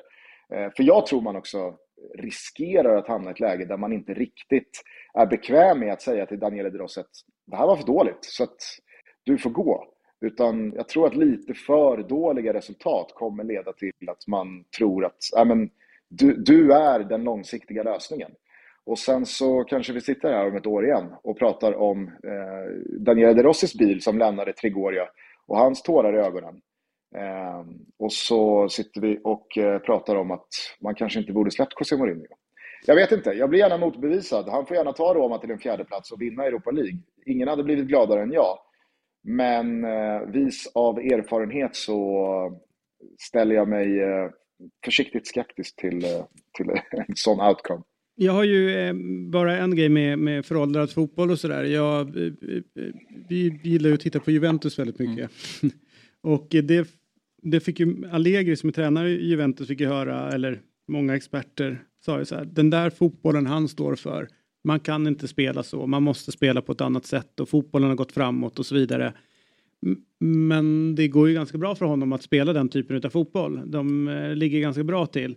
Men jag tror också att Eh, spelartruppen. Jag tror någonstans ligger nyckeln här i att de i Juventus verkar ha köpt in sig på att det är så här vi ska spela. Vi, vi kommer inte, det kommer inte bli någon glad fotboll här eh, och att resultaten har ändå kommit där någonstans. Att det eh, kanske att Allegri är bättre på att sälja in sin idé eller att han har hittat de spelarna för det på ett helt annorlunda sätt och inte plocka de här lite mer sexiga namnen som du nämner, Dybala som en gång i tiden var i Juventus och gjorde det ganska bra men det, alltså det, det är det finns någonting vackert i att man, att man går tvärt emot det, den rådande liksom, strömmen så alla ska spela på ett sätt och så står Allegri i sitt hörn och säger så här, glöm det. Jag kommer spela på era misstag eh, och jag är inte ens direkt intresserad av att ha den här bollen så mycket. Mm. Det, det, finns någonting vackert i det runt det hela. Men du, eh, dagens stora grej annars här har ju varit eh, att Mourinho fick eh, lämna och att Andrea Möllerberg gick ut och eh, med sin skämtsamma tweet. Fick du ont i huvudet av den eller hur, eh, hur landade den där bredvid den öppna spisen eller jag ska säga kakelugnen. Jag älskar kakelugnar och din, din kakelugn är väldigt, väldigt fin. och wow. den, den sprakar wow. så härligt. Eh, det är en mm. kakelugn som Johan Kücükaslan bara kan drömma om eh, i sin jävla vindsvåning. Men eh, vad, vad, tänkte du kring eh, Möllerbergs tweet? Jag, eh, jag tittade ikapp eh, lite här när jag satt och väntade på, på, på min spot vid halv nio här eh, på eran start och hörde ert resonemang. Och jag kan ju hålla med om att alltså, det blir ju tyvärr så på de ganska toxiska sociala medierna, inte Twitter minst, att saker och ting tappar proportioner och, och, och det, det, det, snurrar för snabbt och det blir en för stor tweeten med en GIF om att det är inte riktigt läge nu. Och det är någonstans där jag tycker eh, att eh, kritiken hör hemma. För att jag är all for att man är lite bjussig och att man eh, inte är så tillknäppt och sluten som många andra väljer att vara i, i, i fotbollsklimatet 2024. Men man behöver ju som alltid, oavsett tillfälle, lite spelförståelse. När är det läge för vad och när är det läge för vad?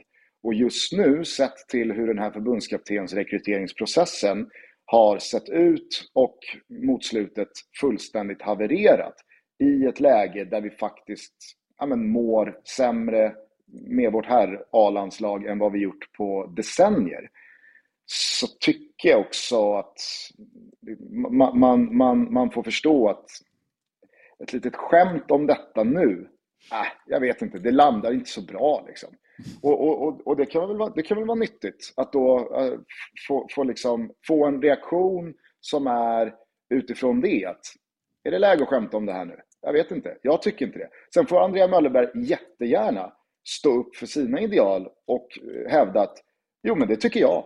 Och det är jag som är generalsekreterare för förbundet. Så att eh, för mig är det inga konstigheter alls. Ehm, man får tycka och tänka och känna olika. Sen, jag vet inte hur nödvändigt det är att liksom addera och säga, men jag tycker också att det är för jävligt att vissa inte liksom vet vart gränsen går i hur man väljer att bemöta det här och hur man, hur man kritiserar det. Men att folk har invändningar gentemot det, det tycker jag inte är några konstigheter överhuvudtaget. För att jag tycker att vi är inne i en, en, en riktigt dyster och deprimerande stund med vårt herrlandslag. Eh, så att eh, jag ser gärna att vi dels sätter en förbundskapten till att börja med. Sen börjar vinna lite fotbollsmatcher. Sen kan vi vara lite... Mm. Härligt Gusten. Eh, vi ska, jag ska släppa dig till, till din familj och fan, jag ska köpa en ny kakelugn alltså, för han hade mycket, större, mycket större än vad jag har. Så att ja, eh, det där, den är ju ett life goal. Men eh, tack för den här morgonen Gusten. En av tre. Ja, ja men klart att man har flera. Ja, det är så enkelt det är det Inga konstigheter. Eh, och det roliga är att man klarar sig inte utan dem eh, i, i, vissa hus i Stockholm nu på vintern. Nej. Det är viktiga grejer. Mm. Härligt! Tusen tack den här morgonen Gusten. Eh, kör hårt. Detsamma. Tack, tack. Ciao. Alltid. God morgon, fotbollsmorgon! Woo! Poddtips från Podplay. I podden Något Kaiko garanterar östgötarna Brutti och jag, Davva, dig en stor dos skratt. Där följer jag pladask för köttätandet igen. Man är lite som en jävla vampyr. Man har fått lite blodsmak och då måste man ha mer. Udda spaningar, fängslande anekdoter och en och annan arg rant. Jag måste ha mitt kaffe på morgonen för annars är jag ingen trevlig människa. Då är du ingen trevlig människa, punkt. Något Kaiko, hör du på Podplay. Därför är gardinerna. God morgon, fotbollsmorgon! Woo! Enormt vilket tempo vi håller den här morgonen. Alltså, man måste säga så gå och lägga sig efter det. Ja, ja, ja, ja. det är ingen jobb idag. Eh, jävla tur att Fabbe inte är med i det här den här morgonen. Mm. I och med att det varit väldigt mycket. Ja, han hade inte. Nej, han hade inte. Han hade inte hört något samtal. Men så här är det. Asiatiska mästerskapen är full gång i Qatar. Och med oss nu har vi den resliga mittbacken från Lund, eller Dalby skulle jag faktiskt vilja säga om inte jag har helt fel. Inte Lund. Det är eh, lite rivalitet där mellan Dalby och Lund. Eh, så. Eh, som under januari och februari representerar Thailand. Eh, och vi säger väl god morgon och välkommen till Fotbollsmorgon säger vi till eh, Elias Dola. Om jag uttalar ditt eh, efternamn eh, fel så ber jag om ursäkt men eh, jag tror alla du hör, förstår att det är det jag menar. Eh, hur mår du? Jag mår bra tack, jag mår bra. Ditt uttal är väldigt, väldigt fint så inga problem där. vad gör du en förmiddag mitt under brinnande mästerskap som idag? Gick och la mig väldigt sent igår för att eh, det var match igår. Så att, eh, det var... Eh, brukar inte kunna sova efter match eh, väldigt bra. Så att eh, fick vakna lite tidigare för att kunna vara med här. Men eh, inga problem. Inga problem. Um... Kirgizistan eh, vann ni med 2-0. Eh, vad kan du säga om deras landslag och fotbollen de spelar? Jag har dålig koll på dem.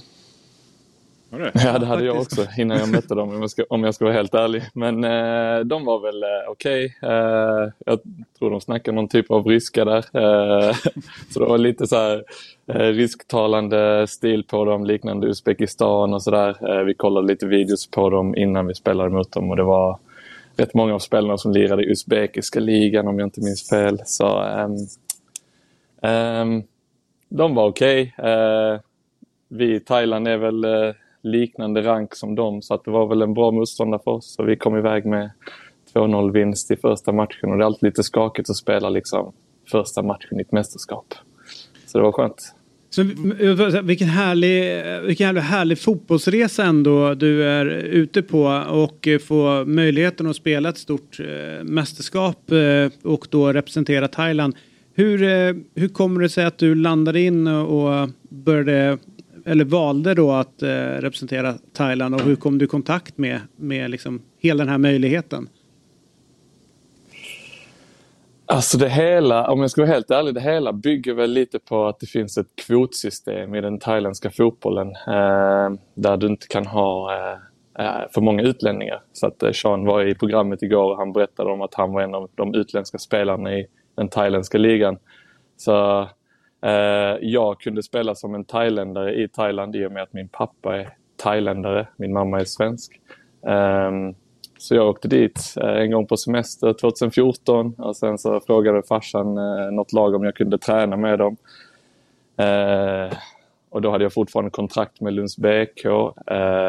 Men de ville skriva på direkt och sen så väntade jag ett år till mitt kontrakt med Lunds BK hade gått ut och då åkte jag tillbaka till Thailand och skrev på ett kontrakt där. Så det var så det började. Och, och hur snabbt var sen vägen då in till själva landslaget?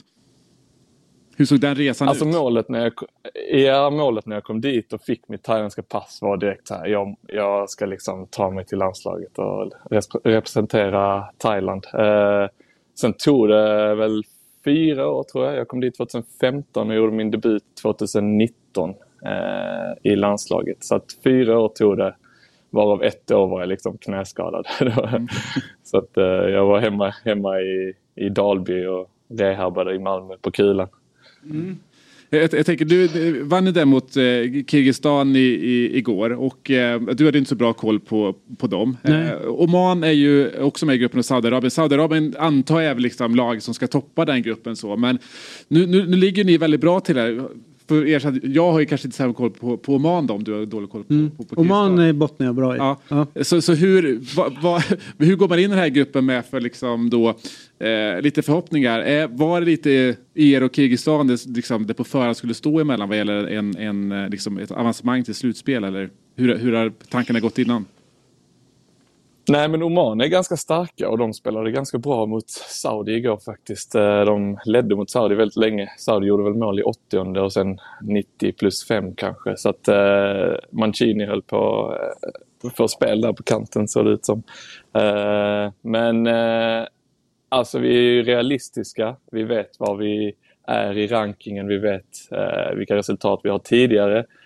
Men samtidigt är vi liksom inte här för att bara kolla på och liksom, eh, vara åskådare utan vi ska ändå komma hit och tävla. Så att, fotboll är fotboll och vi har ju sett på mästerskap tidigare att, eh, att allt kan hända i ett mästerskap. Eh, nu kom vi iväg med tre poäng i första matchen vilket är ganska bra. Vi släppte inte in något mål. Mm. Eh, de fyra bästa treorna går ju också vidare eh, och eh, är det samma poäng på de treorna så räknar man minst insläppta mål. Så att det ser ganska bra ut just nu om jag ska vara helt ärlig. Det ser ganska bra ut. Hur stor är fotbollen i Thailand? Nej men den är stor. Alltså folk bryr sig väldigt mycket. Eh, det finns pengar, det finns ingen financial fair play som du var inne på mm. tidigare. Eh, det finns eh, bra faciliteter, i alla fall på storklubbarna. så att Eh, många stora företag som går in och liksom backar upp klubbarna och så här. Så att eh, eh, spela fotboll i Thailand är nice faktiskt. Jag klagar inte.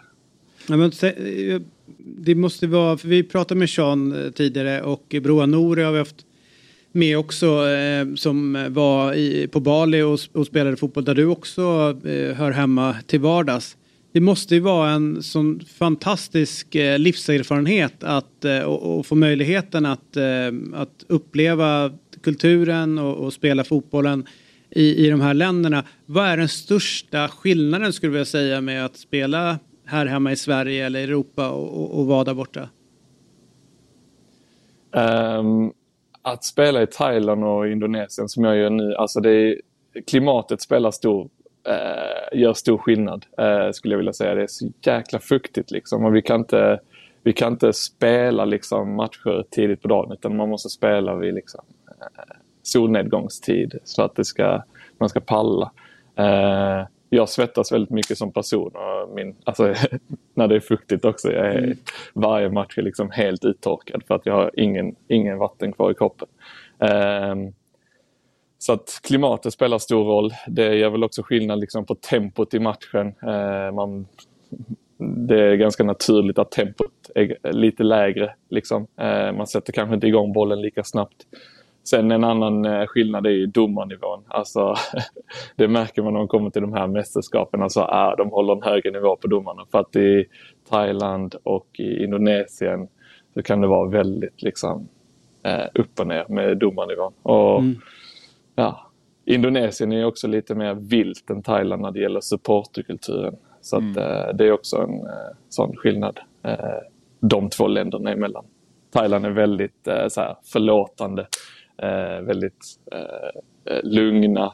Har vi förlorat en match så går vi liksom och tackar bortafansen och hemmafansen liksom, och det är inga problem. Liksom. Det är väldigt förlåtande miljö.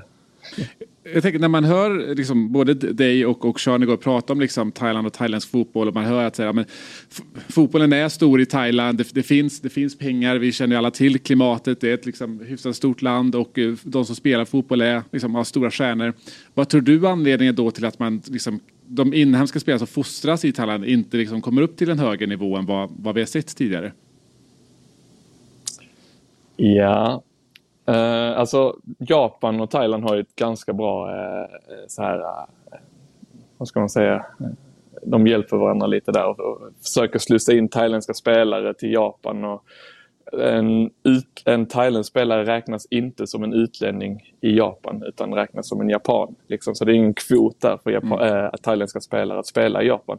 Och det är en väldigt bra utvecklingsmiljö eh, för thailändska spelare att komma dit. Eh, jag hade något låneerbjudande att åka till Japan någon gång med min president sa nej till det, vilket jag är lite besviken på. Men eh, Japan är en väldigt bra eh, så här, plats för thailändska spelare att eh, utveckla sig. Sen att ta sig till Europa, det är lite annan grej känns det som. Det har varit thailändska spelare i Europa tidigare, har kanske inte gått särskilt bra. Nu har vi en ung spelare i Belgien av den thailändskt ägda klubben där som har samma ägare som Leicester. Um, så det finns, ju, alltså det finns ju möjligheter för thailändare att lämna landet. Uh, men det är ofta att de kanske inte vill, precis som Sean sa. Alltså mm. De är ganska bekväma med den lönen de får.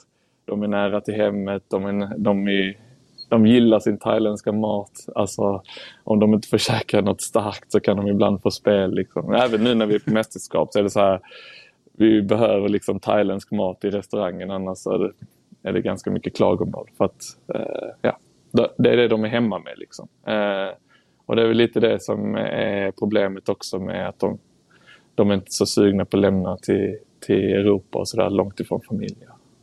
Det, det, det är lite spännande tycker jag med Sydostasien där. Det är ju också hur det skiljer sig mellan länderna. Att en del, alltså Malaysia, Thailand, Indonesien, där är de ju fotbollstokiga. Mm. Så kommer man till Filippinerna där är det bara basket egentligen. Alltså de är ju, det är några få som kanske gillar fotboll sådär, men eh, det är ju basket som alla pratar om. Men jag brukar ju gå runt med en sån här baskettröja, jag håller på Chicago Bulls. Man får ju ingen uppmärksamhet för den mm. överhuvudtaget. Men där är det ett statement. alltså det, det är ju verkligen att man tar ställning. Och jag blev ju helt förvånad över det. Märker du också av liksom med alltså de stora skillnaderna som är i runt de olika länderna? Jo, men jag är väl ganska välrest i Sydostasien nu skulle jag vilja påstå med internationella turneringar med klubblag och landslag. Så att eh, nu var vi senast i eh, Filippinerna och spelade till exempel, som du nämnde nu. Eh, då lirade vi på en skitdålig stadion med konst, sån riktigt dålig plastmatta. Och så här. Man bara wow, det här är en helt annan eh, nivå liksom, eh, jämfört med eh, Thailand och, och Malaysia och, och, Indonesien som har stora fina stadion. Så, eh, sådär. så att det är en stor skillnad. Eh, sen är Sydostasien väldigt, väldigt stort märker man också väldigt snabbt Mm. när man reser runt. Mm. Och man bara så här, tar ett flyg eh, sex timmar och man bara, eh, jag är fortfarande i Sydostasien. Liksom. Mm. Men vilken häftig grej. Eh, Det vore kul om vi kunde hålla lite kontakt här så länge ni är kvar i, i mästerskapet och få en liten uppdatering om eh, det asiatiska mästerskapet. Det pågår också det afrikanska och då har vi Noah som Sundberg som är där nere som vi eh, kan, kan eh, prata med. En rolig detalj, nu är det dock i Qatar så det är säkert lite annorlunda men eh, för ett gäng år sedan så var det ju grä, eh, gräsmattan var ju extremt lång på, eh, på fotbollsplanerna under afrikanska mästerskap. Ni har inget problem med infrastrukturen nu kan jag tänka mig när det är just i Qatar. Ja, det är löjligt. Alltså, vi har varit runt på några träningsplaner och nu var jag igår på Al Duhails eh, stadion. Den, en lite mindre stadion. Inte en av VM-arenorna, den mindre. Men alltså, faciliteterna är helt, helt galna. Alltså. Det är helt otroligt hur de har liksom... Ja, men det här är ju toppen. Liksom. Det är byggt för VM och så här, alla träningsplaner är också byggda för VM. Så nu får vi använda de här för asiatiska mästerskapen. Eh, nej, men man, man klagar inte på faciliteterna. Garanterat inte. Det är väldigt fint att vara här. Mm. Tusen tack för att du ville vara med i Fotbollsmorgon den här morgonen. Ja, tack själva. Tack själva. Tackar och lycka till. Nu är det så att eh, vi har ju en liten punkt kvar och det är ju eh, Hall of Fame, våran. Och eh, båda två har ju fått en uppgift tills idag. Ja. Men tiden räcker inte till för båda. Så att vi måste klunsa om det här. Jag, jag är redo. Jag vet vad jag ska välja. Mm.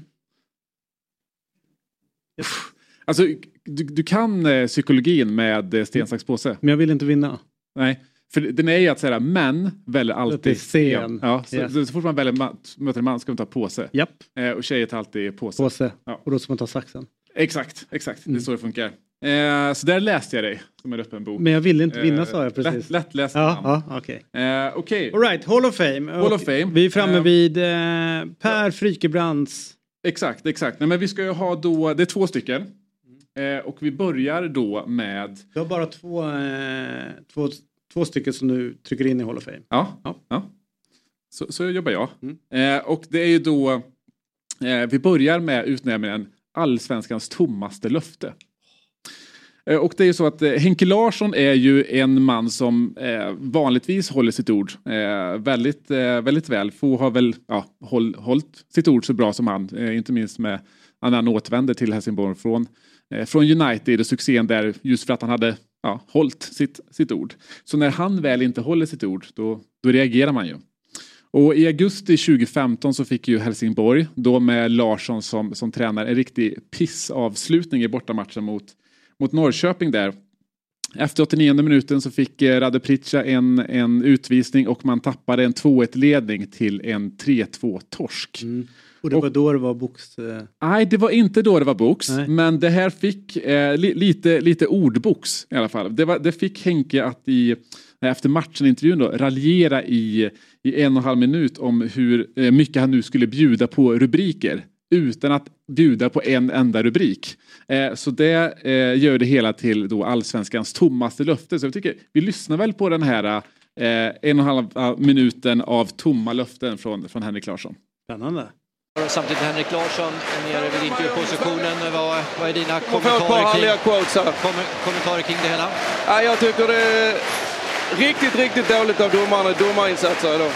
Jag är riktigt irriterad så jag bjuder på rubriker till Aftonbladet, jag bjuder på rubriker till eh, eh, Expressen. Så varsågoda, för det här är inte bra nog för att vara svensk fotboll. Tack!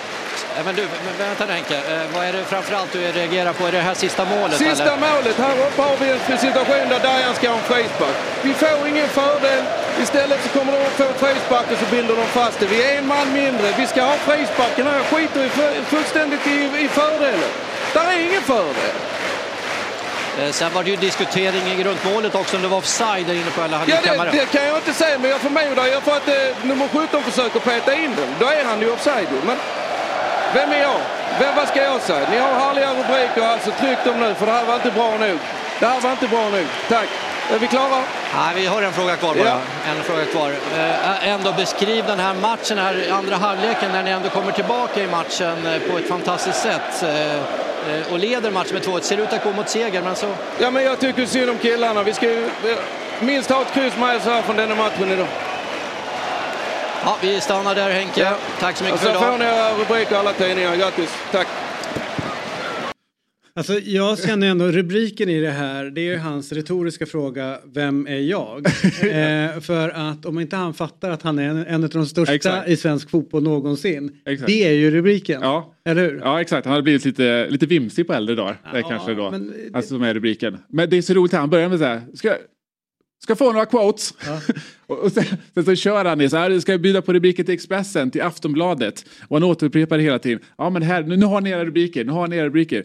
Han har inte sagt någonting som ger en rubrik. Nej. Han sa en gång att han ville ha en frispark. Men det var det. Och sen så frågade hon så här, okej, men tycker du att det är offside? Han bara, vem är jag att säga att det är offside? Men här har ni era rubriker. Men han var ändå nummer 17 var ju offside. men, men, men grejen är det att för mig eh, gör det lite ont för här är ju en av mina hjältar. Så att jag vill ju inte eh, trycka ner honom utan jag förstår honom.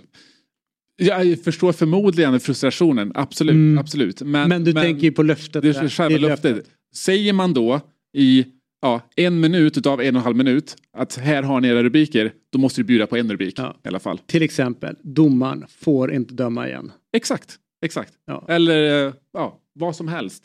Men ja, to, tom, tomma löften och det, det, det gillar vi ju för sig. Vi, är inte, vi är inte emot det, alltså, vi, det är inte en sågning av Henke Larsson här, utan det här är ju en, Nej, en nej. hyllning. Tomma... Det är Hall of Fame. Ja, det, är, det. det här är det bästa vi har. Ja, exakt. exakt. Härligt, den var fin. Ja, och då har vi då eh, nummer, nummer två här som är det effektivaste trashtalket. Och det här är ju... Eh, alltså, det har inte gått så lång tid sedan det här hände eh, och alla har det färskt på, på, på, på näthinnan. Så att, Eh, Sebastian Eriksson. nej, det är inte riktigt det, men det är, det är samma härad. Fint ord. Eh, ja, tack. Jag har mitt vokabulär. Mm. Eh, och det här, men det här är ett klipp som jag går tillbaka till väldigt ofta. Alltså kanske en gång i månaden. Eh, för det, det är genomroligt, det här klippet. Och eh, det behöver ju ingen förklaring egentligen, så vi ska ju titta på det direkt här. Men ja, bara för att sätta ramen då. Efter att eh, Häcken tvålade dit AIK hösten eh, 2022 eh, så eh, strödde ju Jeremejeff lite extra salt i, i, i AIK-såren genom att berätta för Guidetti att eh, AIK är bajs. Eh, och eh, frågan är om så ofarliga ord någonsin har gjort så stor skada hos en motspelare. Det är... behöver inte stå och säga att andra lag är bajs. Det är, det är lite osportsligt tycker jag. Det är lite ocharmigt. Varför tror du att han sa så då? Det får du fråga honom om, det vet jag inte. Han fortsatte sen i spelartunneln när jag frågade han igen så sa han, men det är ju det. Jag vet inte. Du får stå för honom. Hur ser du på din reaktion? Ursäkta? Hur ser du på din reaktion? Ja, men vi blir... Hur menar du? Ja, hur ser du på din egen reaktion? Att vadå? Att jag blir arg på det? Ja, det, det är väl klart. Jag tycker... Så gör man inte tycker jag. Om mina barn vinner en fotbollsmatch och de går fram till deras kompisar och säger ni är bajs. Det, det skulle jag inte lära en fyraåring att göra. Inte minst en, en vuxen man. Innan han kom in spelargången sa du att du skulle döda honom. Ja, men... Det var det jag menade med din reaktion. Aha. Mm. Ja, ja, det är ju självklart fel, men det är ju samtidigt också. Sen tycker jag inte att det, det ska inte höras av er, ni ska inte vara där. Utan det är ju liksom vi spelare som kommer in i omklädningsrummet så kanske jag säger andra saker också. Utan det är, jag menade ju självklart inte ordagrant att jag skulle göra det, utan det, det hoppas jag att du och jag förstår. Alltså det är, det, alltså, det är, det här är allsvenskans roligaste klipp någonsin. Han står där med sin liksom lite kaxig attityd och bara säger man säger inte att andra lagar bajs. Sen så kommer motfrågan så här, hur ser du på din egen reaktion? Va, vilken då? Ja, att du sa att du skulle döda honom. Ja. ja, den är stark. Det här är starka papper. Jag, eh, det är ju eh, väldigt roligt. Ja, Eh, otroligt roligt. Otroligt kul är det. Och att man går igång så mycket. Också, det är ofta, inte ofta man ser John Guidetti ge intervjuer heller sedan han kom hem. Så att man blir lite överraskad bara där. För att han, det är ju väldigt tyst där. Utan det är ju exklusiva TV4, M- Nyhetsmorgon och sånt där. Eh, men den här är briljant. Han borde göra fler. Ja. Men just också att säga, för det här har ju som sagt var effektivaste trashtalket. Eh, för tror aldrig att säga, så enkla ord har gjort så stor skada någon. För han, det är ju John Guidetti i den här intervjun som, som är bort sig. ju. Mm. Eh, och sen också säga så här, men det där ska inte ni höra. Alltså, nej, men du står ju och berättar om att han har sagt att ni är bajs när du har sagt att du ska döda honom. Ja, det är bra. Jag tycker ju också att eh, det här med att man notchar upp saker från, alltså tar det från 0 till 100. Ja. Vadå, du säger att vi är bajs? Jag Jag ska döda dig. Den är jävligt bra att man drar upp det. Ett, eh, så. All right, så här är det. Lyssnarna eh, bidrar också till Fotbollsmorgons Hall of Fame. Och eh, det är två bidrag som ska röstas fram av, eh, av oss i studion och det vi, fyra ska bli två. Ska vi ta och kolla på de här? Det är fem, vi har fyra stycken och vi börjar med allsvenskans enda karismatiska tränare som har blivit nominerat. Men eh, deppigt såklart för Satara och övriga syrianska spelare som ju hade det där. Som ju hade det där i en eh, liten ask. Vi ska lyssna med Özcan Melke Mitchell. Eh, din syn på matchen? Min syn på matchen, först och främst den här matchen. Jag är så jävla besviken på en sak. Det är varken domare eller någon annan. Men deras tränare, det är det pissigaste jag någonsin har sett en tränare göra. Vår spelare ligger i fyra minuter där och är skadad. Och han vill inte ta ut bollen. Jag tycker det är dåligt av domaren, jag tycker det är dåligt av honom. Och på det så får vi också till och med två röda kort. En sån, innan så tog de upp en banderoll. Tillsammans ska vi göra fotbollen roligare. Är det här att kalla vara roligt och göra det tillsammans? Är det det här? Då skiter jag på svensk fotboll! Men Ö- Özcan, Özcan. Özcan väldigt upprörd såklart efter den situationen. Ja, Öskan eh, Melke Mitchell är nominerad av Martin Lagerqvist eh, och eh, jag eh, är också en eh, liten favorit Öskan. Ja, verkligen. Och det som är så roligt är att han klagar på att säga, ja, vi försöker göra svensk fotboll rolig. Och sen så går han och gör svensk fotboll Ja, så otroligt mycket roligare. ja. Så det, är, det, är, det, är som, det är ju genialt det han gör egentligen utan att veta om det. Det här är ett starkt bidrag. Ett starkt säga. Nästa bidrag är så pass starkt så att det nästan är en given grej. Det är alltså Jonas Virmola och vi är tillbaka i Halmstad. Ja, den här. Och eh, Jonas Virmola är lite pressad över att eh, man är inte tillräckligt bra på att täcka skott. Och det är inte jag som David då som har nominerat utan det är en David eh, som eh, har nominerat. Och det här är på sommaren så höll landets mest lovande tonåring till på den, eh, det grönskande Sannarpsfältet eh, bland agenter och annat fint folk. Icke var det lika många en vindpinad vårdag 2007, varken grässtråna eller åskådarna var på plats.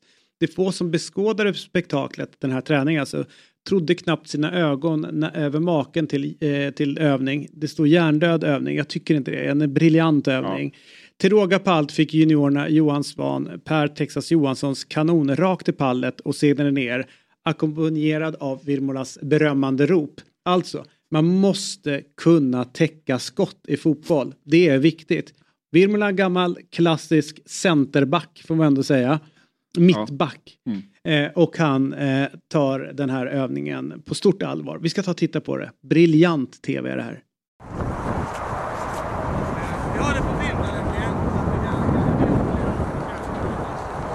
Grundteknik, när vi blockar. Vad är det för stillastående?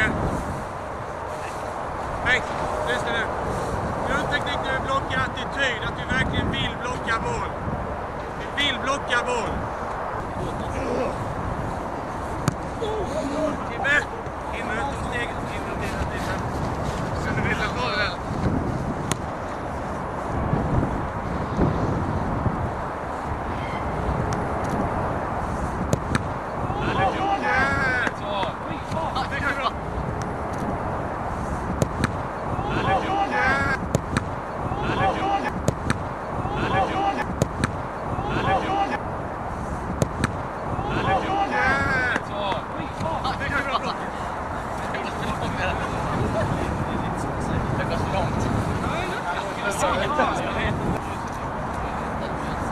Superbra.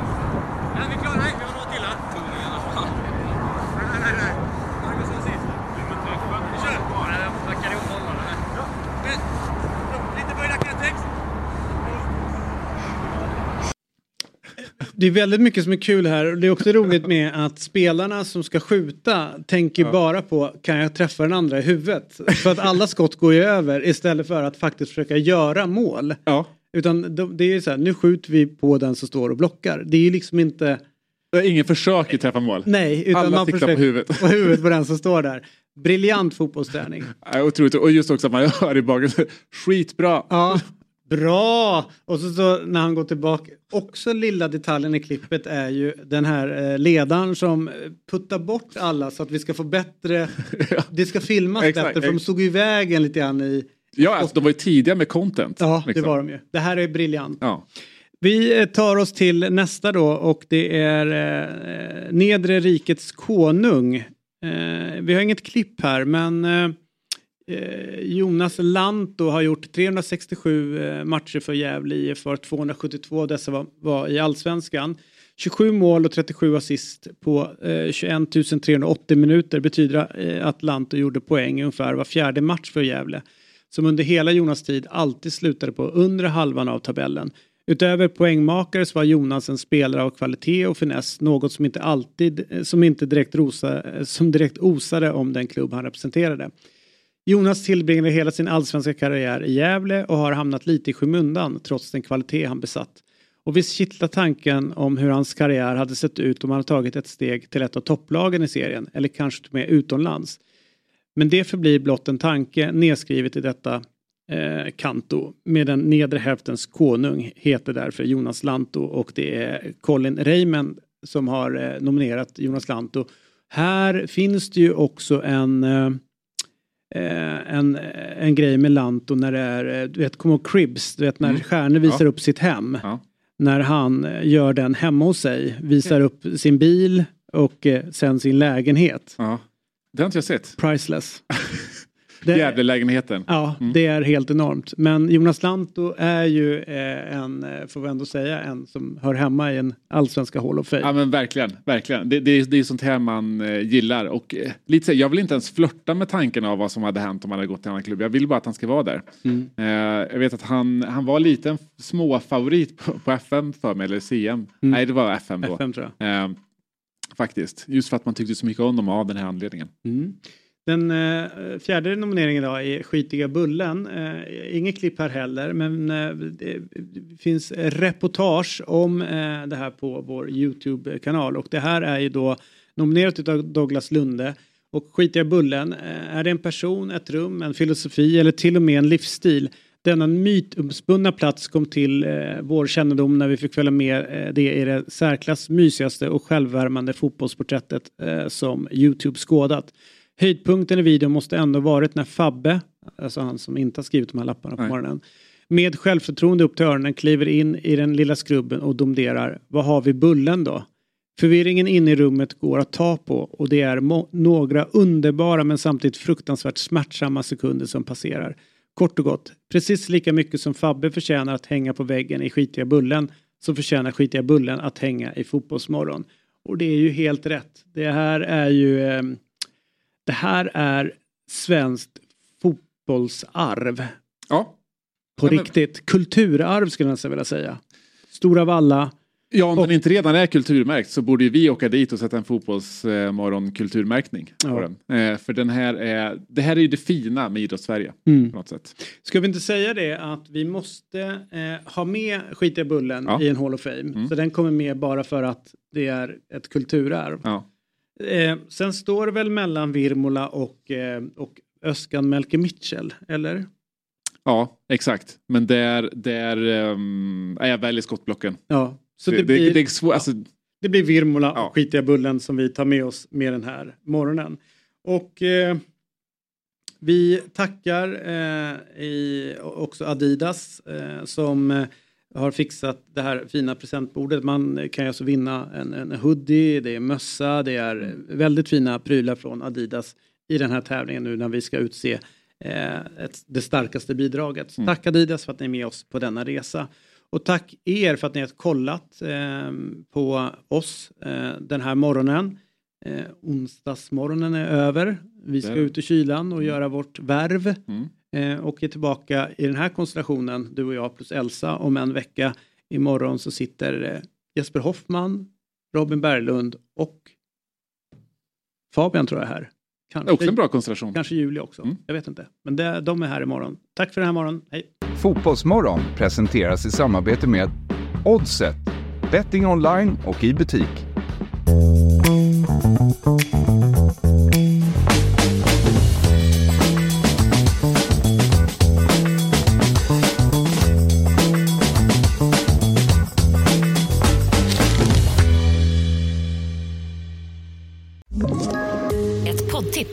Podplay. I podden Något Kaiko garanterar östgötarna Brutti och jag, Davva, dig en stor dos skratt. Där följer jag pladask för köttätandet igen. Man är lite som en jävla vampyr. Man har fått lite blodsmak och då måste man ha mer. Udda spaningar, fängslande anekdoter och en och annan arg rant. Jag måste ha mitt kaffe på morgonen för annars är jag ingen trevlig människa. Då är du ingen trevlig människa, punkt. Något Kaiko, hör du på Podplay. Därför arkadeinerna.